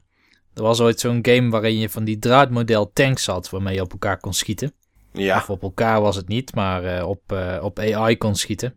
Dan, eh, dan zou ik dat als de eerste. Weet je nog wanneer dat ongeveer was? Tijd dat het Ehm, uitkwam? Ik zou dan denk ik rond 81 of zo denken. Oké, nou Steve, je zit eh, best wel goed. Heb je het over Battlezone? eh, Dat zal Battlezone geweest zijn, ja. Oké, nou Steve, jij zit best wel goed in dit geval. Want de allereerste first-person shooter game die je ook nog eens via een netwerk kon spelen, was in 1974. En ehm, er zijn twee first-person shooter games die de aanspraak eh, kunnen maken op, die, op de titel fir- eh, de first first-person shooter game ooit. En dat is Maze War of Spa Sim. Ehm, en, en de reden dat ze dat niet zeker weten is dat SpaSim, wat staat voor Space Simulator, die kwam uit ehm, ehm, op 1 mei 1974, zeg ik uit mijn hoofd. En ehm Maze War was een beetje, eh, ja, dat een beetje onduidelijk wanneer die precies uitgekomen was. Maar ik heb vanmiddag daar een filmpje van, van zitten kijken. En in Maze War kon je met twee PC's, eh, nou ja, PC's, met twee soort terminals naast elkaar die met een netwerk verbonden waren, kon je eh, dat online tegen elkaar spelen. Nou ja, o- online op je eigen netwerk, dan wel te verstaan. En ehm, daar had je gewoon echt een soort van, ja, een soort van doolhof. En er was, daar kon je je speler een naampje geven. En dan was je alle twee een oog. En dan kon je echt op elkaar schieten. En eh, beide waren 3D. En beide waren in first person. En eh SpaSim of Space Sim, of hoe je het ook wil noemen, in ieder geval die Space Simulator, kon zelfs in 1974 met 32 eh, spelers. En het was een shooter in de ruimte. Zag er iets, iets, minder, iets minder tof uit, moet ik zeggen, dan, dan die Maze War. Het was allemaal, ja, het was niet echt een gebied of zo, of een bepaalde map. Dat had je bij, eh, bij die Maze War had je dat nog wel. Maar ik vond het wel grappig, want ik wist niet dat het zo, eh, zo onwijs oud was. En er is zelfs eind jaren 80 was er Midi Maze. Dat was op de Atari ST. Was ook een first-person shooter. En die is ook nog naar de Game Boy gekomen en naar de SNES. Dat is nog voor Wolfenstein 3D. En dat was. En daar, alleen daar heette de game Faceball 2000. Ik weet niet of die game een van jullie die Ja, zegt. die ken ik. Die ken ik. Die smileys. Ja, klopt, inderdaad. En eh, ja, de, de, de meest populaire was natuurlijk die jij al net zei, eh, Steve. Dat was natuurlijk wel een die, eh, die, die destijds nieuwe standaard eh, zette. En dat was inderdaad Wolfenstein 3D. Dat was natuurlijk wel, eh, wel een hele andere koek eh, die toen uitkwam. Ehm, Ik denk dat we dat dan de eerste soepele 3D first-person shooter kunnen noemen. Want ik zat die Spa Sim te kijken, maar die, gaat, eh, die rendert misschien één frame per vijf seconden of zo. Ja, dat is niet heel best. Maze War ziet er dan nog iets beter uit. Ehm, maar ja, goed, dat was ook met twee spelers. En die Spa-sim was met 32. Dus ik denk dat daar wel, eh, dat daar wel iets van latency beperkt moest worden, zeg maar. Dus eh, ja. Maar goed, ik vond het toch wel grappig dat het al zo vroeg was, 1974. Ja. En, en ja, het eerste wat ik natuurlijk bedacht toen... Steve, wat was de eerste first-person shooter die jij speelde? Wolfenstein. Ja, hè? Ja, dat is bij mij ook zo. Bij mij ook, ja. Bizar, hè? Dat, eh, dat die gasten daar zoiets populairs mee hebben kunnen maken. En in, in, in die, Ja, in maar die het paste gewoon. dat- dat- Dat was iets van onze generatie. Ja, tuurlijk. Dat in 1974 was niet. Toen was ik er nog niet eens. Dus eh, ja, dat, dat, dat hebben we sowieso natuurlijk een beetje geskipt. dat en, kon ook eh, thuis niet. Wolfenstein, het, eh, het was nieuw. Het was, het was heftig. Ja, het was natuurlijk met, met Duitsers. Dat was natuurlijk sowieso. En, en Dat was cool. Dat was cool. Ja.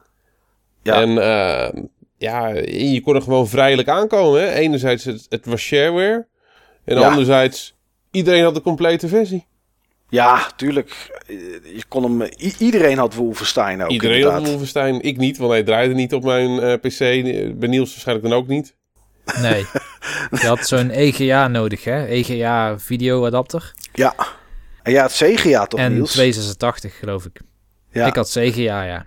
Ja, mijn probleem was processor en harde schijf. ja, dat was in die tijd natuurlijk sowieso, eh, sowieso iets. Eh, Ben je eigenlijk fan, Niels? Want we horen je eigenlijk nooit, over, nooit echt over first-person shooters. Ben je eigenlijk een beetje fan van dat genre? Nee, helemaal niet. Hoe komt dat? Dat, eh, dat weet ik eigenlijk. Misschien dat ik... Ik heb wel een periode gehad waarin ik heel veel first-person shooters speelde. Eh, had ook te maken, denk ik, met dat iedereen ze toen speelde. En dat ze toen in opkomst kwamen, zeg maar na Half-Life 1. Zo'n beetje. Beetje Unreal Tournament tijdperk of zo. En Quake Ja. Arena, Quake 3 Arena, dat soort dingen. Toen vond ik inderdaad first-person shooters heel erg leuk. En ehm, ik denk na eh, Call of Duty Black Ops dat ik helemaal klaar was met het genre. En dat ik alles had gezien. Niet doordat de game slecht was, want ik vond Black Ops een goede game. Maar eh, ik zag te weinig vernieuwing.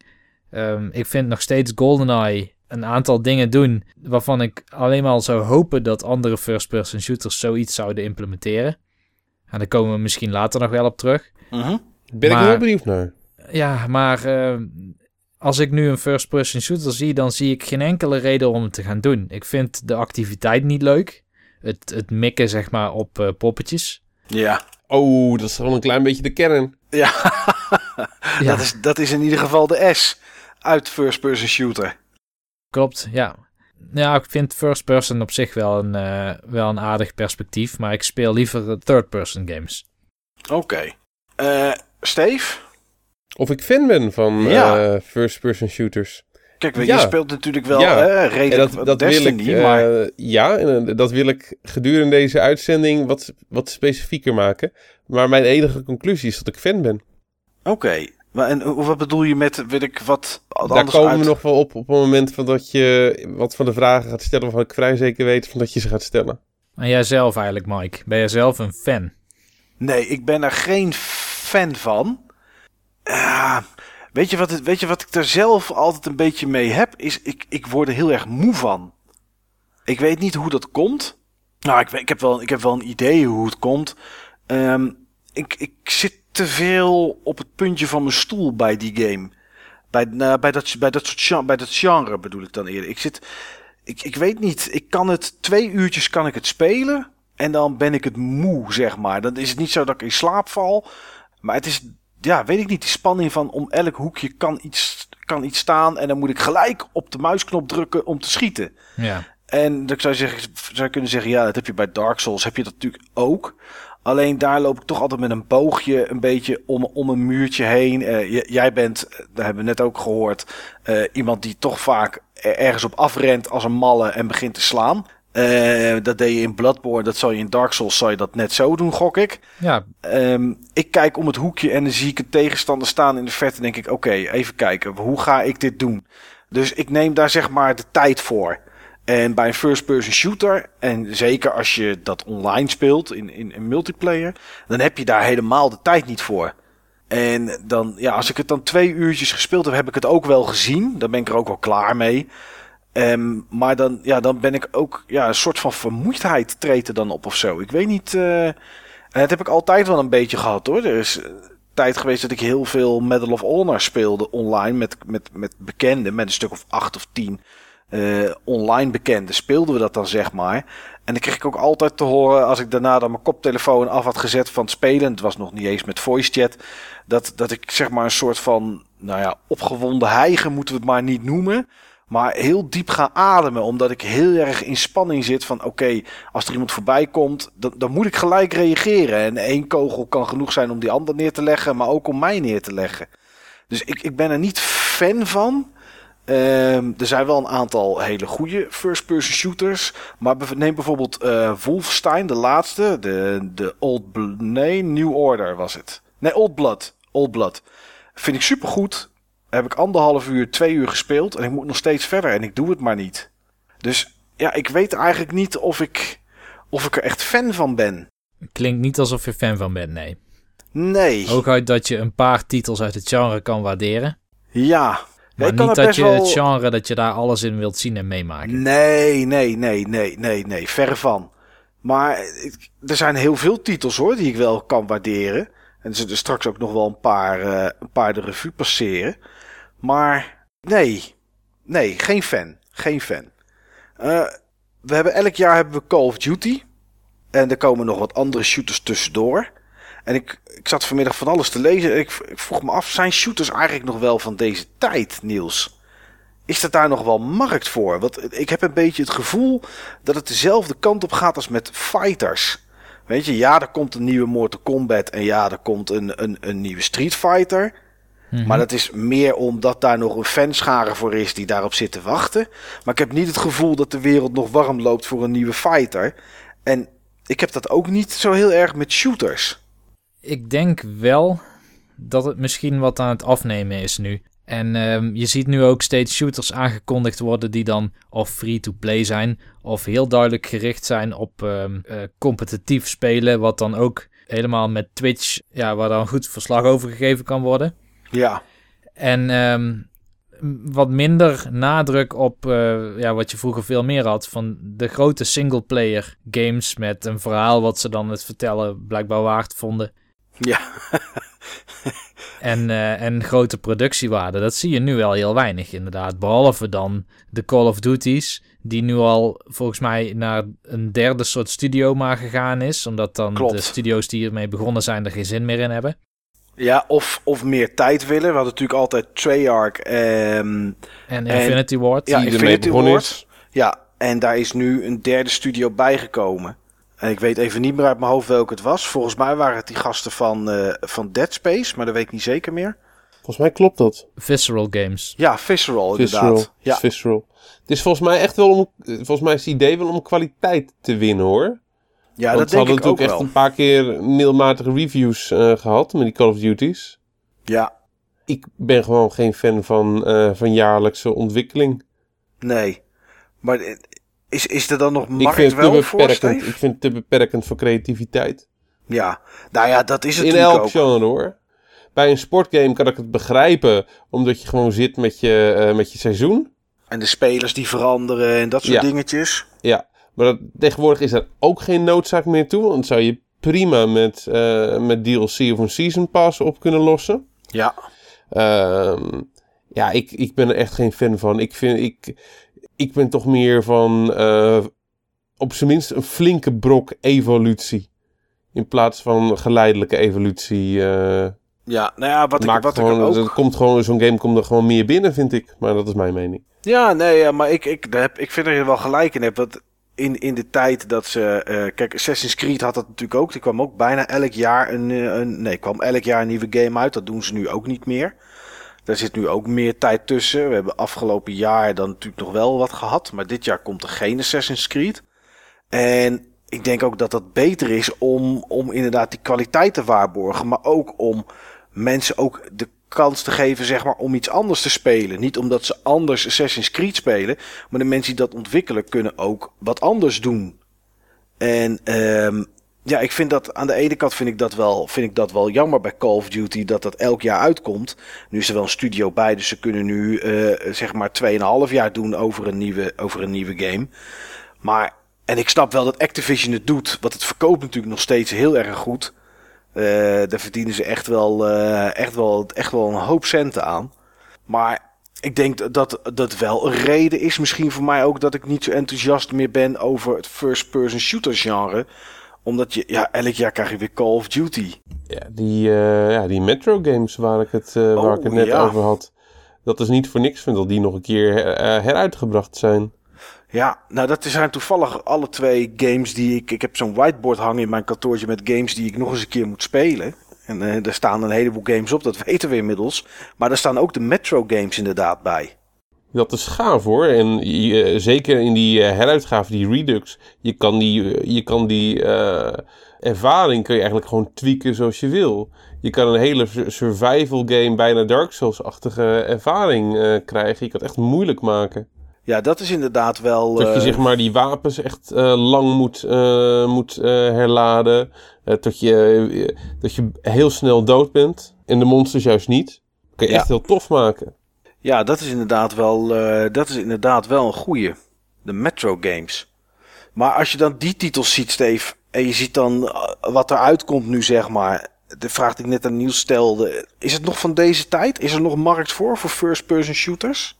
Ja, ik denk van wel. Ik, eh, ik denk juist, ik denk dat een, een paar van de meest gespeelde en meest populaire games ter wereld zijn, zijn shooters. De Call of Duty eh, serie, Battlefield, Destiny. Ja, En wat mij opvalt is, eh, het, het zijn ook games waar andere mensen gewoon vrij snel voor, eh, voor enthousiast eh, te maken zijn. Mensen houden van first-person shooters. Iedereen heeft ook wel eens gewoon echt fanatiek een first-person shooter gespeeld. Is het niet, is het niet een van de Unreals, dan is het wel, ja dan is het wel. Half-Life. Is het niet, is het Ja. niet Half-Life, dan is het wel Team Fortress.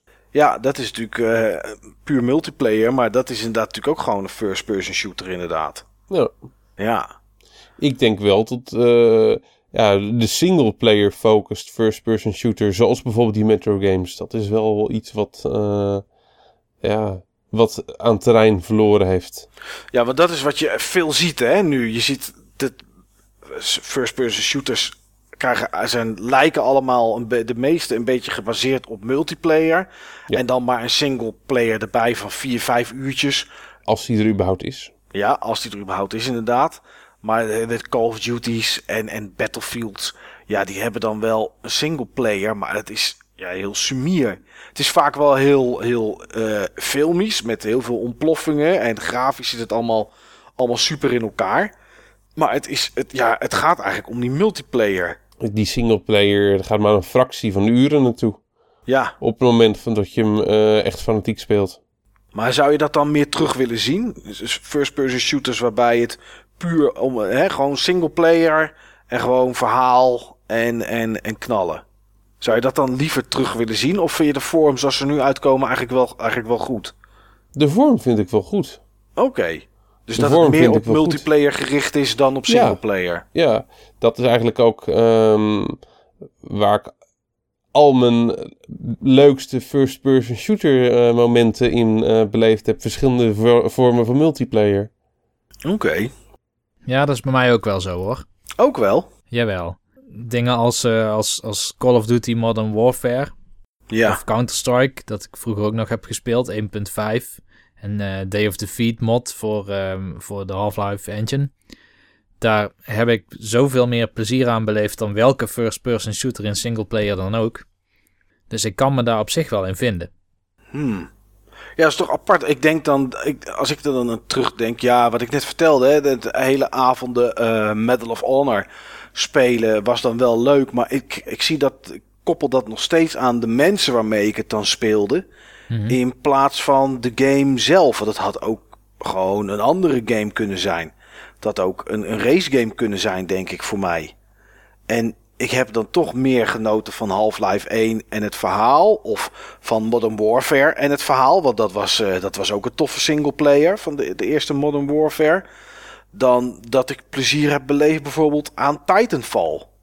En dan scheelt het wel de Titanfall dat ik dat niet echt met anderen, met, met, met bekenden heb gespeeld. Misschien dat daar dan Daar toch... komt zo'n game gewoon het meest tot leven.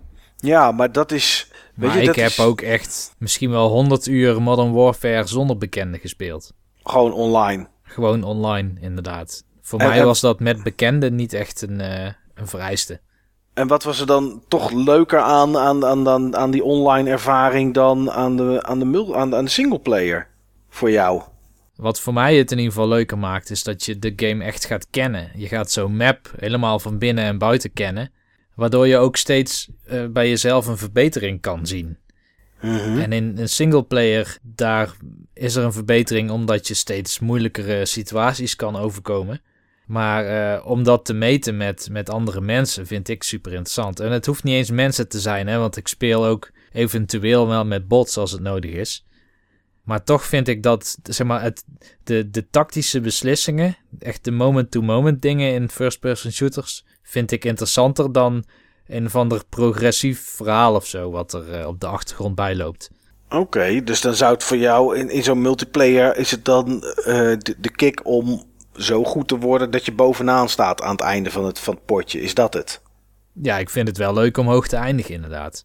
Ja. Ik ook maar voor hoor. mij is het meer het, eh, wat ik toen in ieder geval leuk vond. Als ik dan terugdenk aan de tijd van Day of Defeat en later Call of Duty. Mhm. Ehm, echt het kennen van het level en daar dan strategische punten in, in proberen te nemen.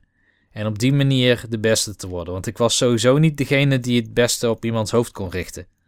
Nee, oké. En ik heb wel eens ooit een soort training gehad van eh, iemand die Counter-Strike 1.5 ja, gesponsord ook speelde. Oké, echt, En, echt eh, een e-sporter. Als echt een e-sporter inderdaad. En dat was toen ook wel leuk om, om te leren. Ik merkte ook dat ik er heel veel beter in werd. Dingen als quickscoping en eh, snel reloaden en dat soort dingen. Eh, dat leerde die mij. En vooral om heel snel te schieten. Met zo'n sniper bijvoorbeeld, dat quickscoping. Op het moment dat je inzoomt, dat je dan meteen schiet. Omdat ja, hij rechter, eigenlijk probeert te snappen. muisknop. Ja, rechter muisknop en gelijk schieten. Ja, en, en ja, heel veel trainingen met hem gedaan in, in kleine levels, waar je elkaar heel snel kan vinden.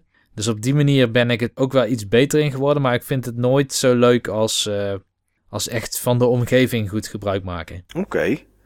Is er, wat, wat, is, wat spreekt jou aan, eh Steve, in, in dat multiplayer? Wat ik bedoel, bij Destiny is natuurlijk eh, is alles online. Daar heb je natuurlijk gewoon wel story, raid en PvP. Wat me aanspreekt is multiplayer. Ja, Winnen. Echt, echt winnen. Winnen. En dan maakt het niet uit Met of het je, met met, bekenden je, is. met, je, met je team of, eh, of gewoon echt individueel binnen je team. Ja, Ja, het liefst met bekenden. ja dat maakt Alleen het toch het ehm, leukste. met, met bekenden kan ik, eh, laat ik zo zeggen, met, ehm, doe, dan speel ik vaak met, eh, met een van de jongens van mijn werk. Ja, En je wordt vaak gematchmade met zeg maar degene die op het niveau, niveau van degene die het best is. En hij is gewoon een stuk beter dan ik. En eh, ja, dan, dan krijgen we gewoon veel meer tegenstand. ja, En op het moment dat ik zeg maar, eh, dat ik zeg maar zelf eh, matchmaking doe, dan eindig ik gewoon echt veel hoger en kan ik gewoon echt goed meekomen. Maar dan, ja, anders moet ik zeg maar in plaats van, van, de, de, van de Europa League moet ik Champions League spelen. En dan is het toch weer net even wat pittiger. ja. Ja, ja, nee, ja, snap ik. Ja, ik, ik, ik ben zelf, ja, ik nu niet zo heel veel meer. En ik heb laatst de Doom Beta heb ik dan eh, gespeeld op console. En dan merk ik toch dat ik het leuker begin te, te vinden. Uiteraard zou je bijna zeggen, maar dat ik het echt leuker begin te vinden als ik wat hoger eindig op de, op de ranglijst. Hè? Als, ik, als ik wat meer punten score. Ja, dat snap ik wel. Maar ik heb niet de drive. En ik weet niet wat het, of, of jullie die nog wel hebben of wat dat dan is. Om, om beter te gaan worden. Om de tijd erin te steken om jezelf te trainen, bedoel je? Precies. Ja. Ja, dat heb ik wel. Dat is bijvoorbeeld een van de dingen die ik ook eh, leuk vind aan, eh, aan Destiny. Je wordt ook gewoon, eh, je wordt ook gewoon beter en beter. Ik heb, Ja, ik heb er ook tuurlijk. zoveel uren in, eh, in gestopt. Ja, En, de, de- ja, en ook gewoon zeg maar, eh, de- ook met, de, met zeg maar de, de PvE-challenges, zoals bijvoorbeeld die raids. eh dan word je ook wel beter in echte, echte multiplayer eh, dingen. Maar niet op dezelfde manier als je je echt op die multiplayer focust. En ook op de maps en ook op, de, op, op de wapens die het goed doen in de meta. En de strategieën die het goed doen in de meta. ja. Nou ja, sowieso. eh, echte spelers reageren natuurlijk altijd een stuk Ja, onvoorspelbaarder dan eh, dat is AI. heel anders, ja. Dat is heel anders. Ja, Ik besef me nou dus ook, nu, nu ik het zojuist over eh, de omgeving had... en dat dat voor mij zo'n belangrijke factor is in, eh, in first-person shooters... ja. waarom ik zo gefrustreerd was met Star Wars Battlefront. Wat dan? Want daar had je gewoon geen level design. Er was gewoon een map met een, eh, met een planeet. Ja, en klopt. Een soort Klopt. van rotsen en verder helemaal geen interessante formaties of zo... of punten waar je iets strategisch mee kan doen. Maar Dat het was was ook gewoon... een van de dingen die, die me vrij snel opvielen aan, eh, aan die game in, in beelden. Ja, Je loopt gewoon maar een beetje rond in een, een groot open gebied. Ja, ja het, wa- het, waren geen, het zijn geen levels. Het zijn gewoon environments. Het zijn gewoon omgevingen. ja. En dat, is- dat is inderdaad een groot verschil. Dus alles komt neer op hoe goed jouw wapen is, of hoe goed je bent doorgeleveld, of hoe goed je kan mikken. Maar ehm, als je niet goed bent in die basisvaardigheden, dan heb je niks strategisch om je aan vast te klampen om toch nog een soort van competitief te zijn. Nee, als je niet heel goed bent in, in, in het schieten zelf, zeg maar. Dan, dan heb je in zo'n game als Battlefront heb je niets anders waar je dan eh, je voordeel uit kan halen. Ja. Dat, i- dat is er niet. Nee, Battlefield lijkt me gewoon niet leuk. Battle, Battlefront. Ja. Nee, maar wat, ja. wat, eh, wat, voor games, wat voor games vind jij dan echt leuk binnen het genre, eh, Niels? Poeh, goede vraag. Nou ja, misschien moet je het hebben over vond ik leuk. Maar ja, laat ik zeggen vind ik leuk. Of vond, is- vond je leuk? Ehm, ik vond Doom heel erg leuk. Wolfenstein in mindere mate ook wel. Maar gewoon de allereerste Doom. Als je ook kijkt, je kan, als je op tab drukt, dan zie je een draadmodel van het level. Hoe gaaf die levels ontworpen waren met allerlei geheime gangen. Het was bijna Dark Souls, zeg maar. Zeker voor die tijd was dat zo cool. Ja, En ook die... eh, we, we hebben, joh, Doom hoeven we niet al te lang over te hebben. Want voor Doom hebben we eh, een aparte uitzending. dat is Ja. waar.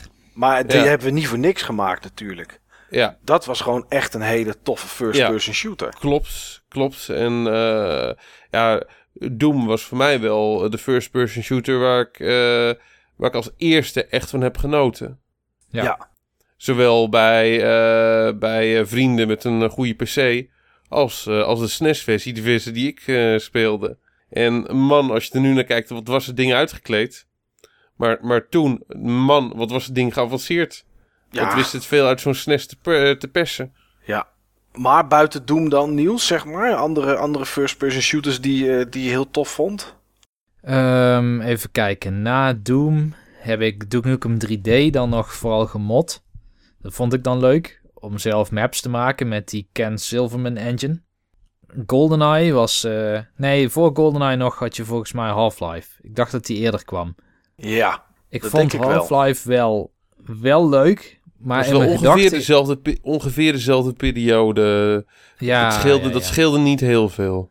Wat ik leuk vond aan Half-Life was dat het ehm, eigenlijk juist wat, wat ik nou weer minder zou trekken, dat ze toen wel echt een heel verhaal hadden en dat er heel veel progressie in de game zat.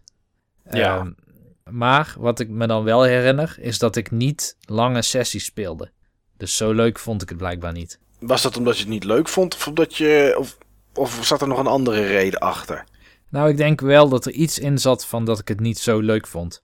Want hoe ik Half-Life speelde, dat kan ik me nog wel herinneren, is ehm, ik laat mijn game, ik kijk een paar hoekjes om en dan komt er bijvoorbeeld iemand op me af en die slaat mij helemaal in elkaar Ja. en dan reload ik. En dan weet ik de volgende keer, van het moment dat ik hier linksaf ga, dan komt er zo'n gast met zo'n crab op zijn gezicht eh, op me af. Ja, En eh, ja, wat dat betreft was ik heel erg aan- mijn health aan het optimaliseren. oké. Maar dat is Dark Souls, is dat in principe ook. Dan weet je ook, sommigen lopen wel een beetje rond. Maar je weet ook wel ongeveer waar wat staat. Ja, klopt. Maar bij Dark Souls, daar heb je wel... Kijk, Half-Life 1 was gewoon een lineair spel. Ja. Het suggereerde dat het groter was dan wat het was. Omdat je dat hele Black Mesa-complex had. Waarin je soms door luchtschachten heen moest. eh, dan weer door, door het riool. En dan weer door de kantoren van de, van de professoren. Dus het leek alsof het één heel grote map was. Ja, Maar het, ja, je, was altijd, je kon maar op één manier door het level heen. ja, En bij Dark Souls, daar, eh, daar vind ik het leukst eigenlijk om de levels te ontdekken en die bazen te verslaan. Ja Half-Life, da- daar versloegen de bazen zichzelf. Dat was meestal een kwestie van ergens een schakelaar omhalen en dan ging hij af. Ja. ja.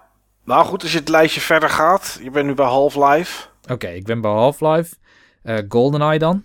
Ja. Ehm, wat ik bij GoldenEye gaaf vond... Nou, eerst, ten eerste was GoldenEye qua realisme of IP-beleving echt een hele grote stap in die tijd. Want eh, de, Ja. zeg maar, de, de karakters waren gebaseerd op karakters uit films. En die hadden dan ook textures op hun gezicht, wat echt een foto was van een persoon. En de bewegingen waren voor die tijd heel realistisch. Je kon ook mensen voor het eerst in een game, geloof ik tenminste, bijvoorbeeld in de enkel schieten. En dat ze dan gingen hinkelen. En, Ja. eh, en hun kuiten vastpakten en zo. Dat was in ieder geval voor die beleving toen heel sterk. Maar wat ik zelf echt heel gaaf vond aan die game. Je kon een missie altijd op, eh, op verschillende moeilijkheidsniveaus spelen. En afhankelijk van het moeilijkheidsniveau wat je koos, kreeg jij meer objectives in een level. En dan kon het makkelijk zijn dat voor het ene objective moest je een soort speedrun actie doen. Omdat je binnen drie minuten, ik noem maar wat, naar de andere kant van het level moest sprinten om daar iets te doen.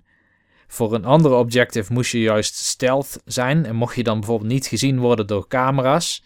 Maar ondertussen ergens een professor moeten, moeten gaan halen. En dat bracht een hele hoop speelstijlen met zich mee. Waardoor het meer was dan door gangen rennen en op poppetjes schieten. Ja. In Deus Ex had je ook meerdere manieren om het spel te spelen en daar kon je het echt kiezen. Bij GoldenEye kon je gewoon uitdagingen aannemen waar andere speelstijlen voor nodig waren. Ja. Dus die vond ja, ik heel snap sterk. ik wel. Ja. En daarna ben ik eigenlijk vrijwel alleen nog maar online gaan spelen volgens mij. Dus toen heb ik eh, een, een tijd Counter-Strike gespeeld. En eh, daarna Day of Defeat. Die vond ik eigenlijk leuker. En Day of Defeat was ook een mod voor, eh, voor Half-Life. Maar dat was eigenlijk een soort voorbode voor wat nu Call of Duty is. Of wat Medal of Honor was. Ehm, want je had daar wat bij Call of Duty Domination heet. Waarin je verschillende vlaggen hebt Ja. die je, moet ja, die je over moet nemen met jouw team. En dat vond ik echt super gaaf. Want dat had zo'n soort. Counter-Strike is, is echt puur agressief. Maar bij Day of Defeat had je sneller een soort rolverdeling met je team.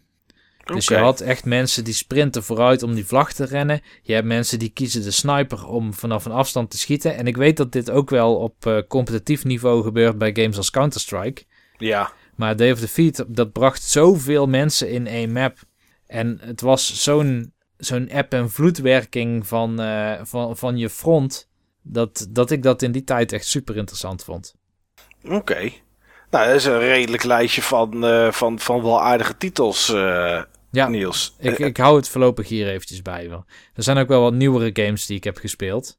ja. Eh, in de podcast heb ik ook toen Bioshock Infinite bijvoorbeeld genoemd. Ja. Maar sinds Bioshock Infinite heb ik volgens mij geen enkele first-person shooter meer gespeeld. Althans niet in singleplayer. Nee, oké. En jij, Steve? Heb jij zo- zo'n zo'n lijstje met greatest hits, zeg maar? Ja, en dat komt eh, zeker eh, op eh, een aantal punten met dat van Niels overeen. Ja, nou, Doom waar we het net over gehad hebben. Ja. GoldenEye vond ik niet leuk. Oké. Wat, wat tro- trok jou daar niet in aan? Want heel veel mensen vinden dat echt nog steeds een geweldige game. Twee woorden, Nintendo 64. Ja, controller. Gewoon Ja. alle, gewoon alle nadelen van Nintendo 64. eh, ehm, voor die, t- in, in die tijd lag de standaard gewoon eh, lager natuurlijk. Maar ja, eh, langzame, foggy, slowdown mes met een onhandige controller. Ja, Ik kon er gewoon niet in komen. begrijp ik. Ehm, verder, ja, Half-Life heb ik gespeeld even. Want daar kon ik niet goed in komen. Want ik hou, niet van, ik hou ook niet van muis en toetsenbord. Ja. Ja, dat is het dingetje wat nog op mijn lijstje staat, jongens. Muis, toetsenbord versus controller. Ja, ik... ehm, ja, gek genoeg wat ik wel veel gespeeld heb. eh, ja, de Quakes. Quake Ja. 1 en Quake 2. Die vond ik echt, eh, die vond ik ook echt leuk. Ja. Ehm, Quake 2 eh, kon ik nooit zo lang achter elkaar spelen. Daar werd ik op de een of andere manier een beetje misselijk van. Was misschien te snel of zo. Ja, of gewoon te veel, te veel wisselingen in, eh, in de framerate. Ik, ik weet het niet precies. Ik had hetzelfde probleem had ik met eh, een van die Wolfensteins. Die, die derde Wolfenstein. Eh, Return to Castle Wolfenstein was dat volgens mij. Ja, volgens mij wel. Daar had ik ook dat, eh, dat eh, probleem. Dat vond ik Dan had je toch ook van die rollen dat iemand de engineer is die dan bruggen op kan blazen. Ja, in de multiplayer, klopt. Ja. Ja, Eh, ja, die multiplayer die heb ik niet gespeeld. Ja. Dat, nee, dat zat in die toen de multiplayer. mogelijkheid niet ja. voor. Volgens mij had ik toen geen... Ik denk dat ik toen geen internet had. Oké. Toen had ik nog geen, eh, geen internet. Maar ehm, ja, dat, dat zijn allemaal dingen waar ik echt vluchtig doorheen gegaan ben. Op die, op die Quakes, nou, die Quakes die heb ik echt wel veel, eh, veel gespeeld. Vond ik ook echt tof. Vooral de Quake 1 met die muziek van Trent Reznor.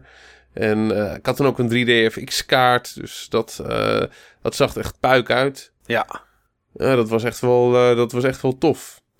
Turok heb ik veel gespeeld op Nintendo 64. Oh ja. Toch Dat wel, Nintendo 64. Wel leuk. Dat vond ik wel leuk. Ja. En, eh, dat was ook natuurlijk zo foggy als het maar zijn kon. Maar op de een of andere manier vond ik dat wel meer bij, ehm, bij het spel passen. En had die van die animaties- grote dino's die dan uit de mist deinen. Ja, dat was tof. En die Ja. animaties die waren echt tof. Die sterfanimaties. Als, eh als zo'n gast naar zijn keel eh, greep en eh, dan naar beneden viel of zo. Dat was tof hoor. En die wapens hè. Ja, ve- veel toffe wapens. Die super toffe wapens en gewoon die hele rij met, eh, met wapens. Maar dit zijn eh, geen van alle de, ehm, de games waar ik echt, echt mijn meest memorabele first-person shooter eh, momenten mee, eh, mee beleefd heb. Dan kom ik in een ander rijtje. Mijn eh, rijtje Greatest Hits. Nou, kom maar op. We zijn toch wel lekker bezig. Daar, daar zit toch wel enige vorm van overeenkomst in. Dat zijn namelijk Halo, Halo Ja. 3 en Destiny. Ja. Dat is alle twee wel iets met in de ruimte. Eh, ja, het is niet zozeer... van Bungie. Het is allemaal van Bungie. Ja. Dus eh, ja, voor mij, first-person shooters zijn, staat voor mij synoniem met Bungie. Alle first-person shooters waar ik echt enorm van heb eh, genoten, eh, waar ik momenten mee heb meegemaakt die ik nooit zal vergeten. En dat hebben die drie eh, eh, absoluut. Ja, eh, Bungie. Ja. Magic. Bungie staat voor mij eh, hoog. Ehm, z- eh, en Bungie is absoluut een softwarehuis met, met, met, fouten.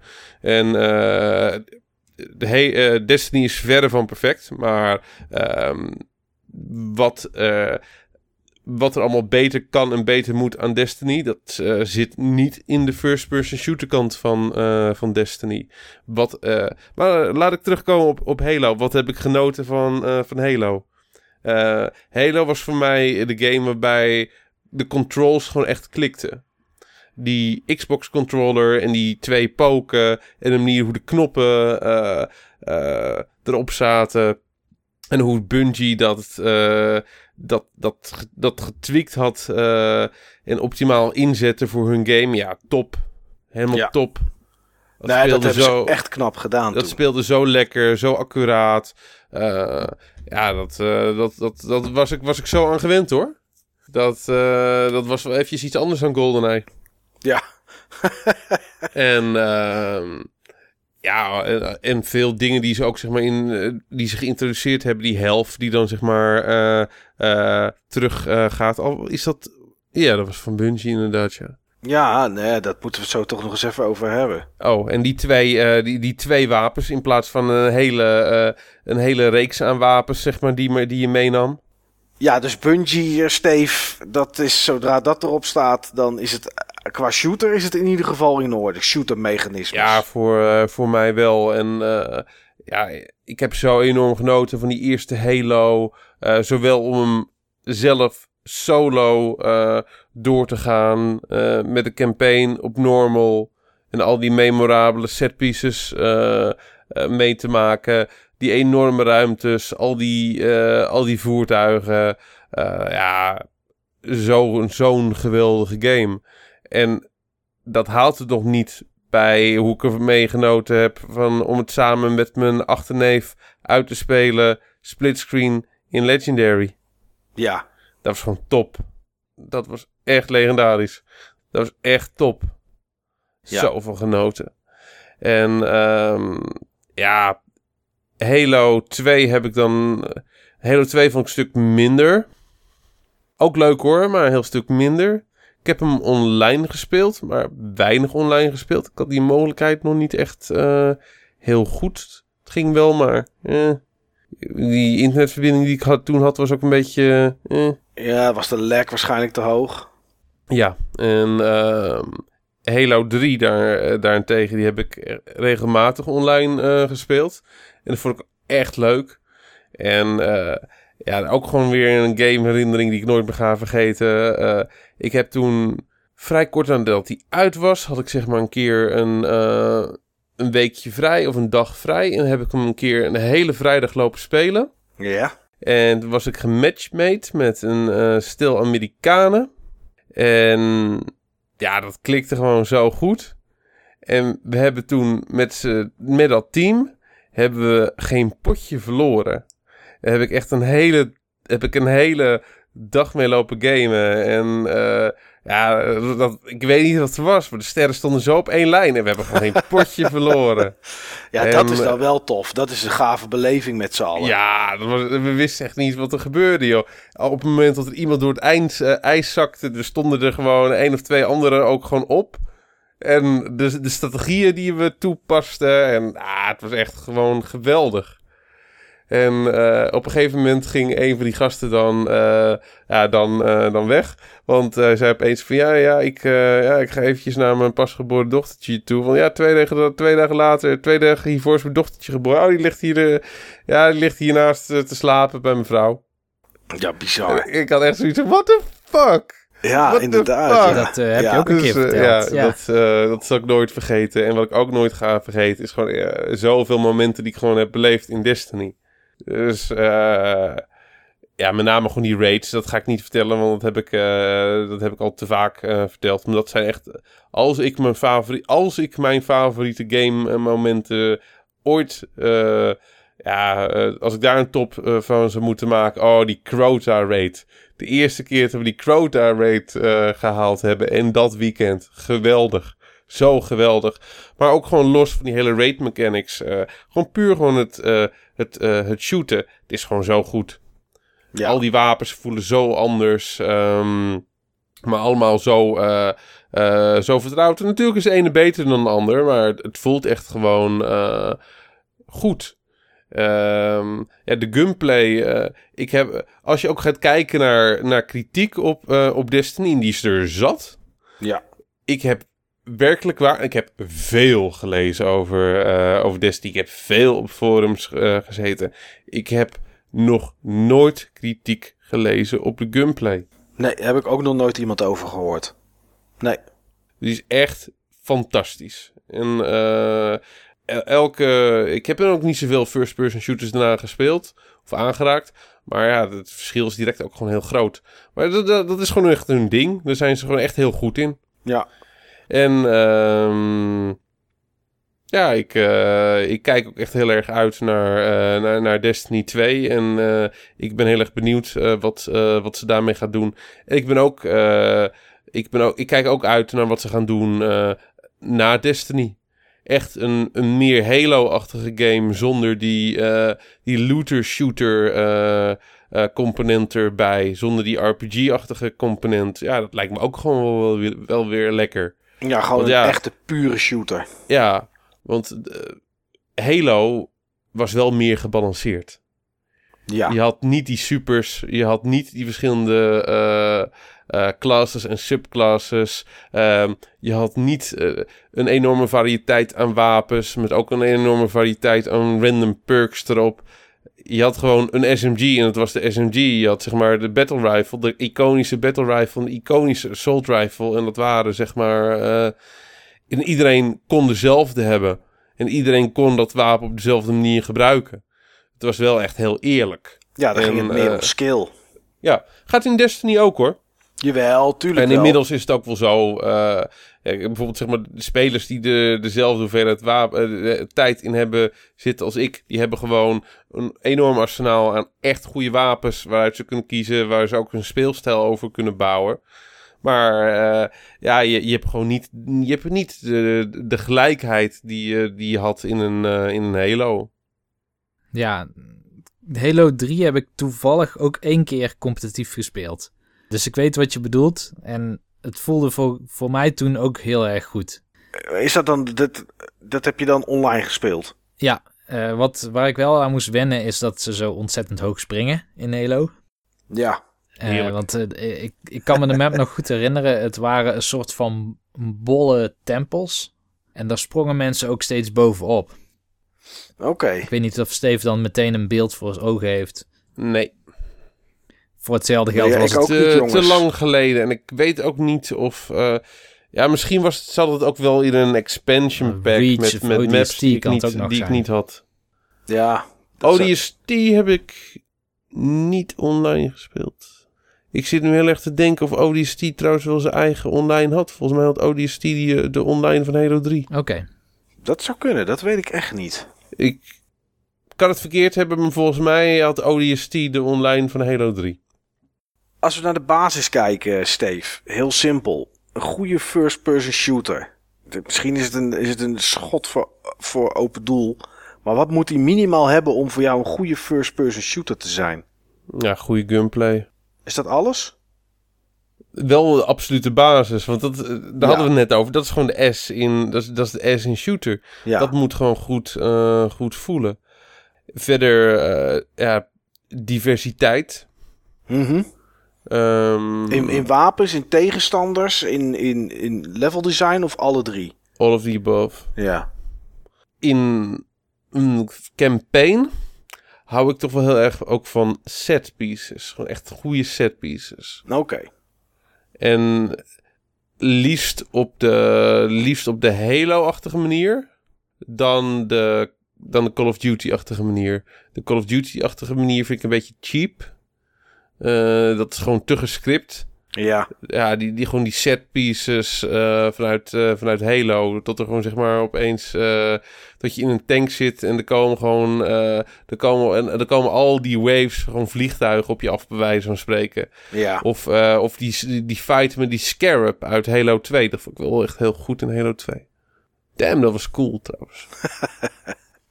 En jij Maar gewoon- oh, ja? Sorry. Ja, dat, dat soort dingen, dat vind ik echt wel heel erg, eh, dat vind ik heel erg eh, tof. Ja, en jij Niels? Nou, ik ben wel voornemens om Halo 2 nog een keer te spelen. Die heb ik nooit gedaan. En eh, die zit wel in die Master Chief Collection. Ja. Eh, maar Dat is degene waar ze echt gefocust op hebben in die Master Chief Collection. ja, Die heeft twee. echt, die, dat is degene die de upgrade heeft gehad. ja, ik moet dan eerst deel 1 nog een keer uitspelen. Maar wat voor mij nodig is, en dan heb ik het voornamelijk even over de, de online, misschien wel Call of Duty-achtige games. Ik denk dat ik dat soort spellen toch nog eerder zou doen dan eh, een nieuwe campaign of zo van een game. Maar wat ik dan zoek, en ik heb natuurlijk level design al genoemd, maar level design op zichzelf betekent niet zoveel. Dat werkt voor mij in combinatie met een aantal wapens of abilities. Eh, wat ik bijvoorbeeld mooi vond in Call of Duty eh, Modern Warfare en Call of Duty Black Ops 2, is dat je een aantal levels hebt waarin duidelijk een aantal zones meer geschikt zijn voor sniper rifles, want daar heb je veel lange straten en afstanden. Uh, maar sniper rifles zijn weer waardeloos in gebouwen, want daar heb je weer veel meer aan een uh, SMG of, Ja. uh, of iets in ieder geval wat heel snel en van korte afstand schiet. Assault rifles, dat soort dingen. Assault rifles, dat soort dingen inderdaad. En zeg maar die, die afwisseling en hoe dan een level design jou mogelijkheden biedt om ergens te snipen of juist niet. ehm, of ergens eh, claymore mines neer te leggen. eh, dat vind ik het mooie. Dat moet voor mij bij elkaar komen. Hmm. Ja, oké. nou, dat is wel. eh, ja, snap ik wel. Ik, ik, ik heb zelf, zeg maar, als ik nu een first-person shooter game ga spelen. Eh, liefst gewoon geen multiplayer. Want dat ga ik toch niet doen. Daar heb ik helemaal, heb ik helemaal geen trek in. Ehm, het moet voor mij zoiets zijn als Bioshock. En of dat nou 1, 2 of Infinite is, maakt niet uit. Of een Halo. Ik wil zeg maar. Ik, ik hoef geen eh, op dit moment, maar ik weet niet. Straks komt een nieuwe Doom uit. Misschien vind ik het dan wel weer leuk. Maar ik hoef geen eh, Doom of, ehm, of Quake op dit moment. Of Painkiller was ook zo'n zo'n reeks. Ehm, dat je puur met een wapen hordes vijanden tegen je aan. eh, of op je afkomen lopen. En alleen maar maaien en alles kapot. En dan doorlopen en dan weer zo'n hele horde. Ik wil dan toch wel iets met een verhaal. En dat is, dat, ja, weet je, eh, en verha- de verhalen van Call of Duty vond ik meestal niet zo. Ik heb de laatste, wat was de laatste? Het, niet Advanced Warfare? Nee, laatste was eh, Black Ops 3. Ehm, die heb ik niet gespeeld. Ik heb daarvoor Advanced Warfare heb ik wel. Heb ik wel gespeeld, een stukje. Maar daar liep de singleplayer liep gewoon een soort van vast. Daar moest je iets doen en er zat een bug in. Dus daar ben ik mee gestopt. Maar op zich vind ik dat dan nog wel interessant om, om daar de singleplayers van te spelen. Want ik wil iets met verhaal. En dat, ehm, ja, dat is, dat is het enige, denk ik, wat mij nog, zoals ik het nu voel en bedenk, zeg maar, terug kan trekken naar het first-person shooters genre. Ja, en straks komt een nieuwe Doom. Die ga ik uiteraard wel spelen. Al is het alleen maar vanuit nostalgisch oogpunt. Eh, En ja. een review waarschijnlijk. Maar Mag ik nog iets toevoegen? ja, tuurlijk.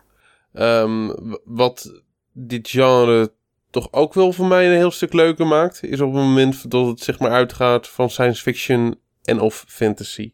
Oké. Op het moment dat het allemaal te realistisch wordt. Ja. eh, en eh, dit type genre is nooit realistisch. Van ja, eh, op het moment dat je zeg maar twee kogels, dat je door kan schieten met drie kogels in je.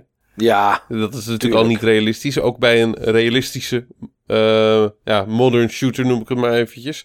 Maar eh, ja, joh, als, als je zeg maar niet ellenhoog kan, kan, eh, kan springen, als je niet door de lucht kan, kan zweven, op het moment dat je niet zeg maar al die futuristische wapens hebt, vind ik het direct ook echt een heel stuk minder leuk. Oké, dus een, een, een World War II shooter, zeg maar, dat is niet aan jou besteed.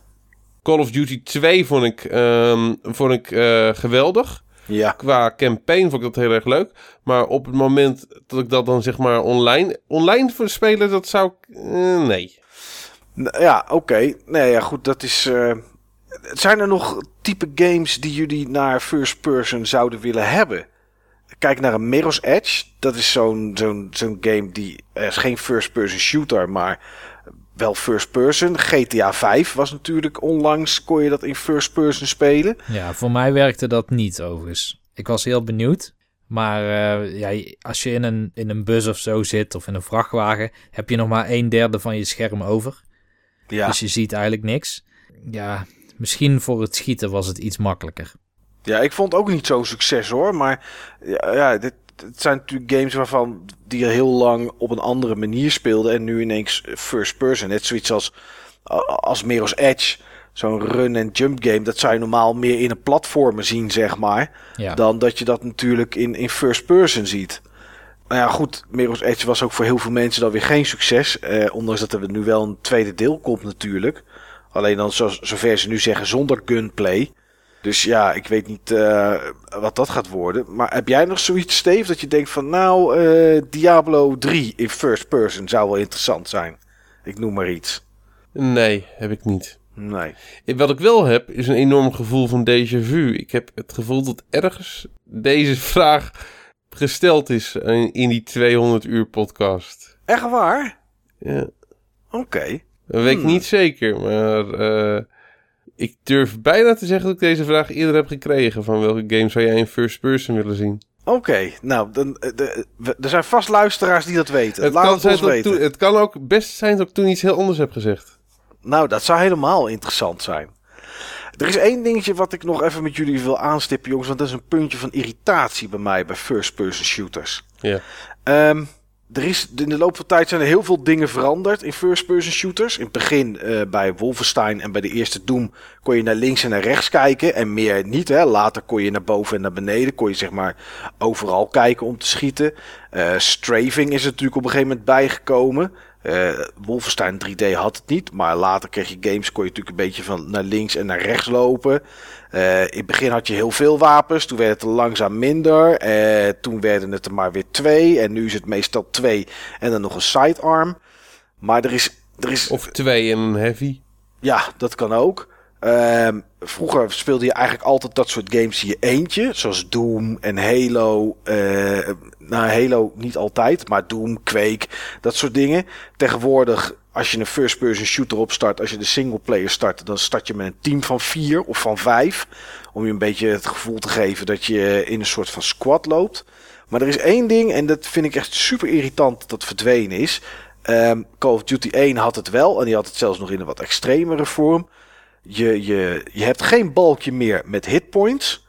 Altijd, als je nu geraakt wordt of wat dan ook, dan wordt het beeld langzaam meestal rood. Of dan, ga je, komt er een beetje van de hijgeluiden bij. Eh, of je ziet wat bloedspatters op het scherm. En dan weet je, oeh, ik ga bijna dood. Maar eh, ja, je weet eigenlijk nog steeds niks. En die hitpoints regeneration. Ik vind dat zoiets verschrikkelijks. Waarom niet meer gewoon, ja, Doom zal het wel hebben. Maar waarom niet meer gewoon medpacks? Ik vond dat veel uitdagender. Er zijn twee kanten, denk ik, aan, eh, aan het verhaal. Aan de ene kant is het natuurlijk onrealistisch dat er overal in levels medpacks liggen. Mhm. Ehm, dus voor de immersie is het misschien vanuit het development perspectief een beter idee om, eh, om dat regeneration te doen. Maar van de andere kant, regeneration, Is misschien, vind ik misschien nog wel iets onrealistischer dan dat er ergens een, een, een medpack ligt. dat, zo, ja, dat kan.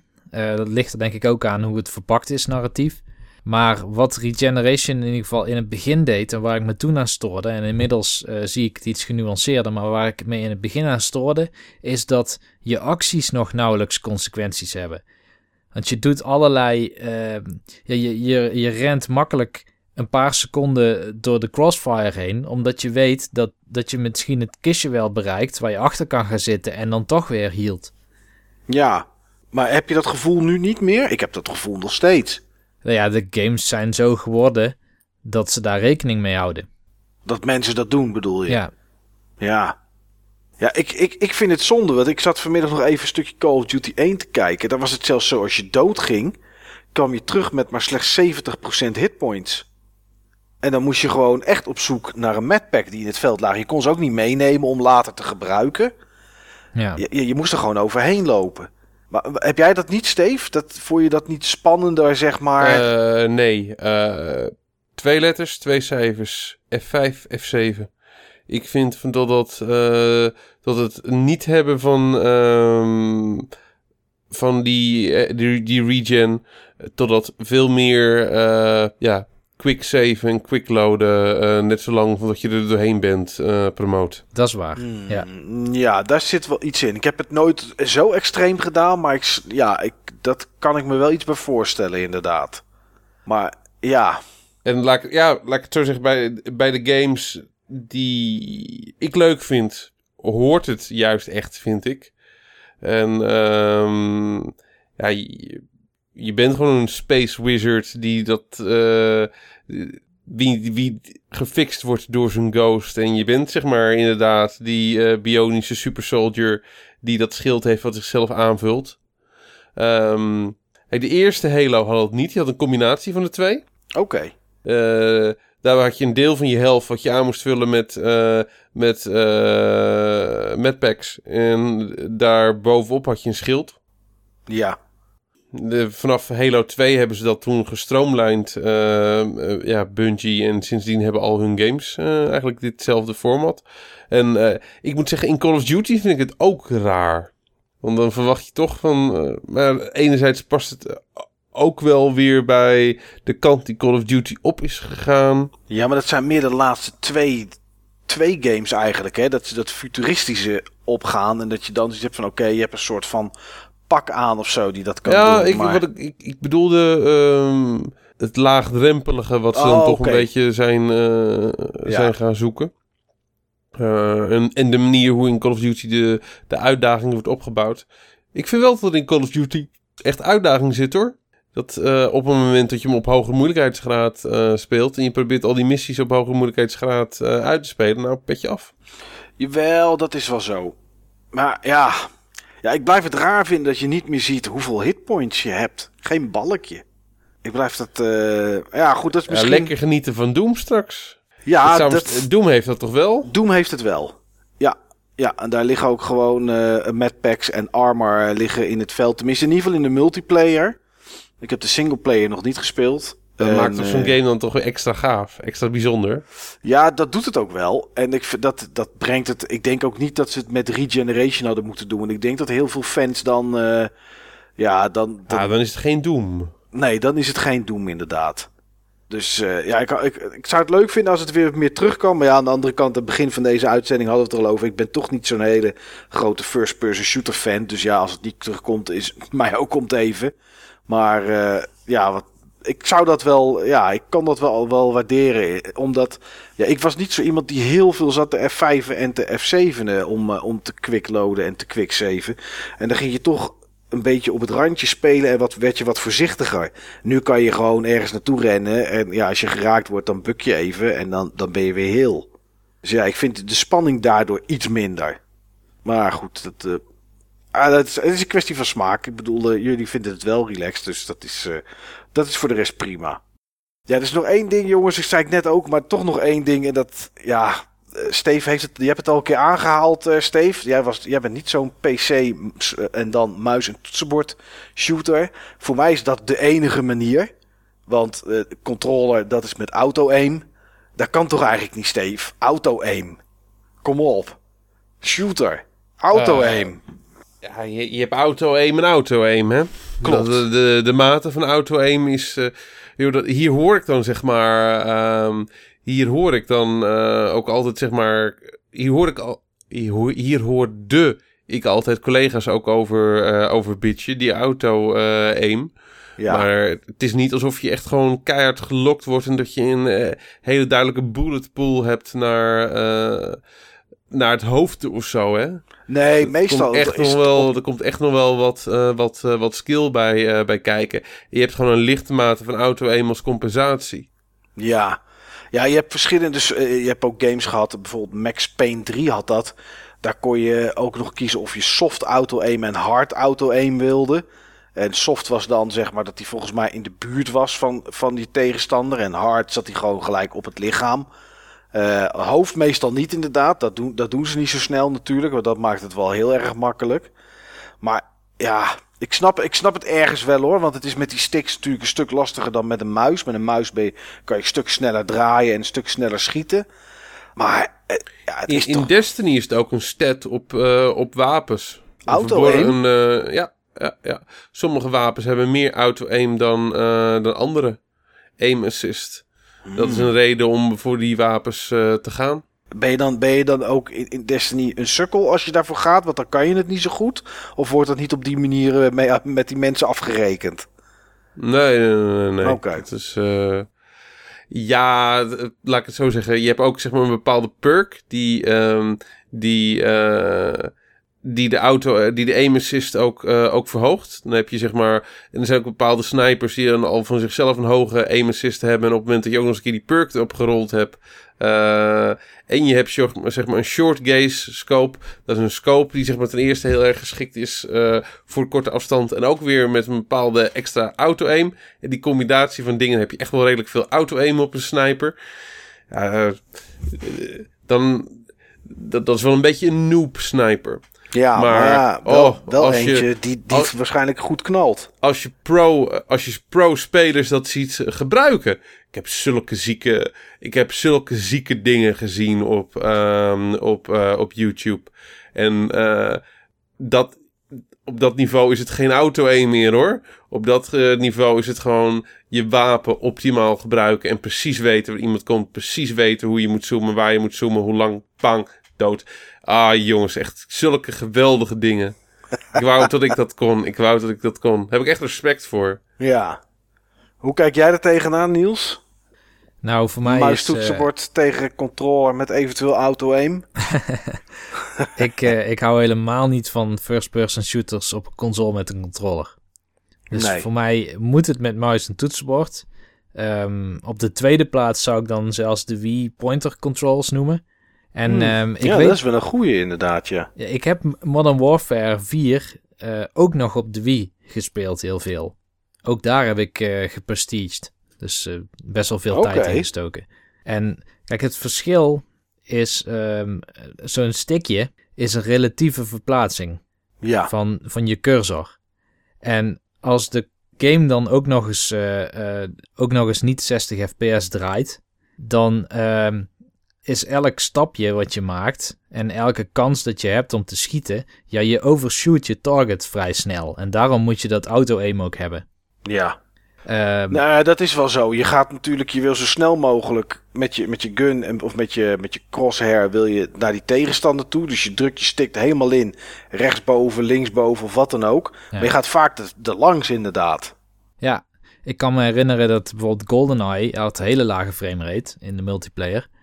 Maar die gun die kon wel zo 30 eh, graden draaien automatisch. Zodat je in ieder geval nog ongeveer in de goede richting schoot.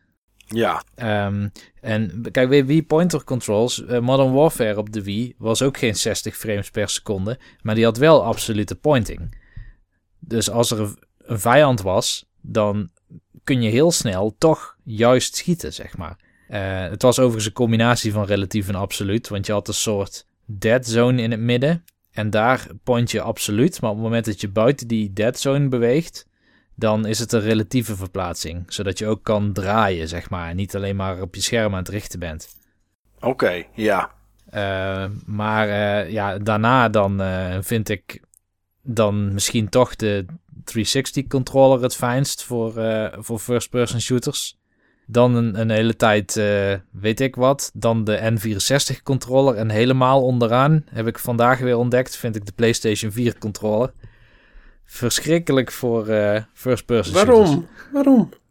Die controller heb je in je vingers en niet in je handen. En dat merk ik bij, eh, bij Souls zelfs. Dat die altijd rust in, in een aantal vingers. Maar dat ik hem nooit echt vast heb, de controller. Dus ik moet ook de controller altijd schuin omhoog houden. Anders dan, dan krijgen mijn handen gewoon vermoeidheid. Hmm. Nooit last van eh, gehad. Ik heb Hij is wel te eens... klein of zo. Ja, dat vond Ja, ik sowieso joh, dit wel. zijn sowieso persoonlijke ergonomische dingen. Hè? Dus ik ga sowieso niet met je in, eh, in discussie erover.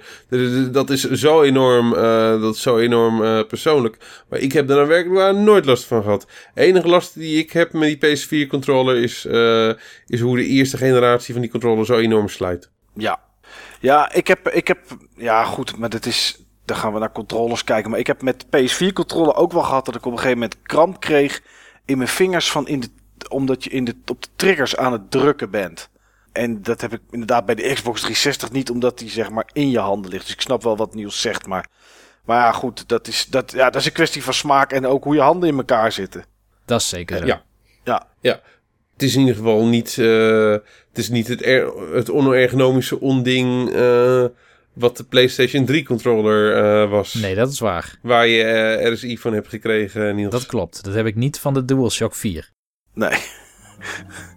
nee, inderdaad.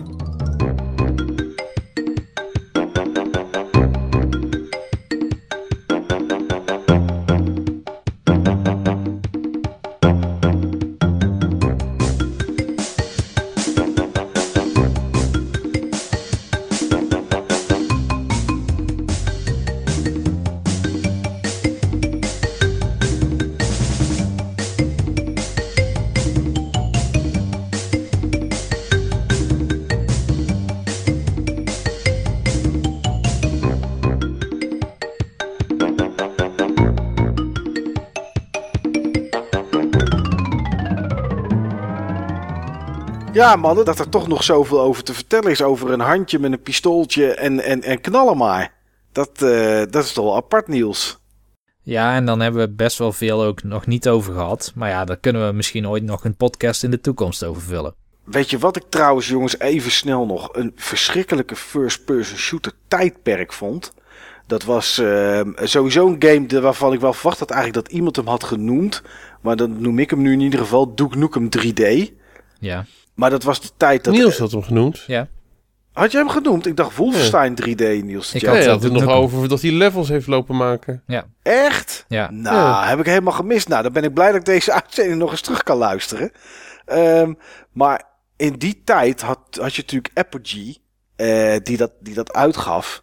En toen hadden we zoveel van die generieke eh, first-person shooter games. Ja, dat Rise klopt. of the Triad en zo. Ja, dat soort dingen allemaal. En ik speelde het als, als, ja, alsof ik een zak chips leeg had. Dat, dat is wel zo, maar toen hebben we echt een hoop troep gehad. Niet normaal. Weet je wat ik ook tof vond? Sin. Sin, Sin. Ja. Oh, ja. Die was cool. Of eh, Serious Sam. Dat vond ik ook gaaf. Ja, maar maar heel kort. Want dat was dus net zoals Painkiller zo'n zo'n ja, niet verhaalhebbende shooter. Het is een adrenaline shooter. Ja. Ik vond No One Lives Forever vond ik wel leuk. Ja, gewoon met co- combinatie van eh, andere genre-elementen. Ja, een beetje James Bond-achtig. En eh, dat vond ik ook wel. Dat vond ik ook wel een leuke shooter trouwens. No One Lives Forever. Ja, nog eens een keer opzoeken. Ja, en, en, en Soldier of Fortune was natuurlijk ook wel een toffe shooter. Maar ja, ook dat was ik wel na twee uurtjes wel weer zat. Nou ja, goed, ja, goed. Die, die, die, tijdsgeest kwam in één keer kwam die bij me boven. Eh, Rise of the Triad. En toen had je al dat soort titels inderdaad. eh, man, het, ze kwamen echt zo vaak uit. Nou ja, goed. Dat is nu gelukkig iets anders. Gelukkig zijn er eh, genoeg andere genres. En wie weet pakken we er nog wel weer eens een keer een genre uit. We hebben het natuurlijk al een keer over RPG's gehad.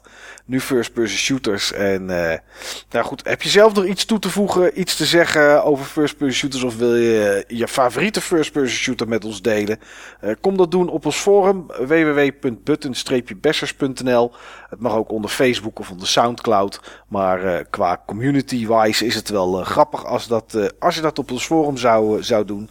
En dan, eh, dan kunnen wij er ook nog op reageren als dat, eh, als dat gewenst is door jullie. En zo niet, dan doen we dat toch.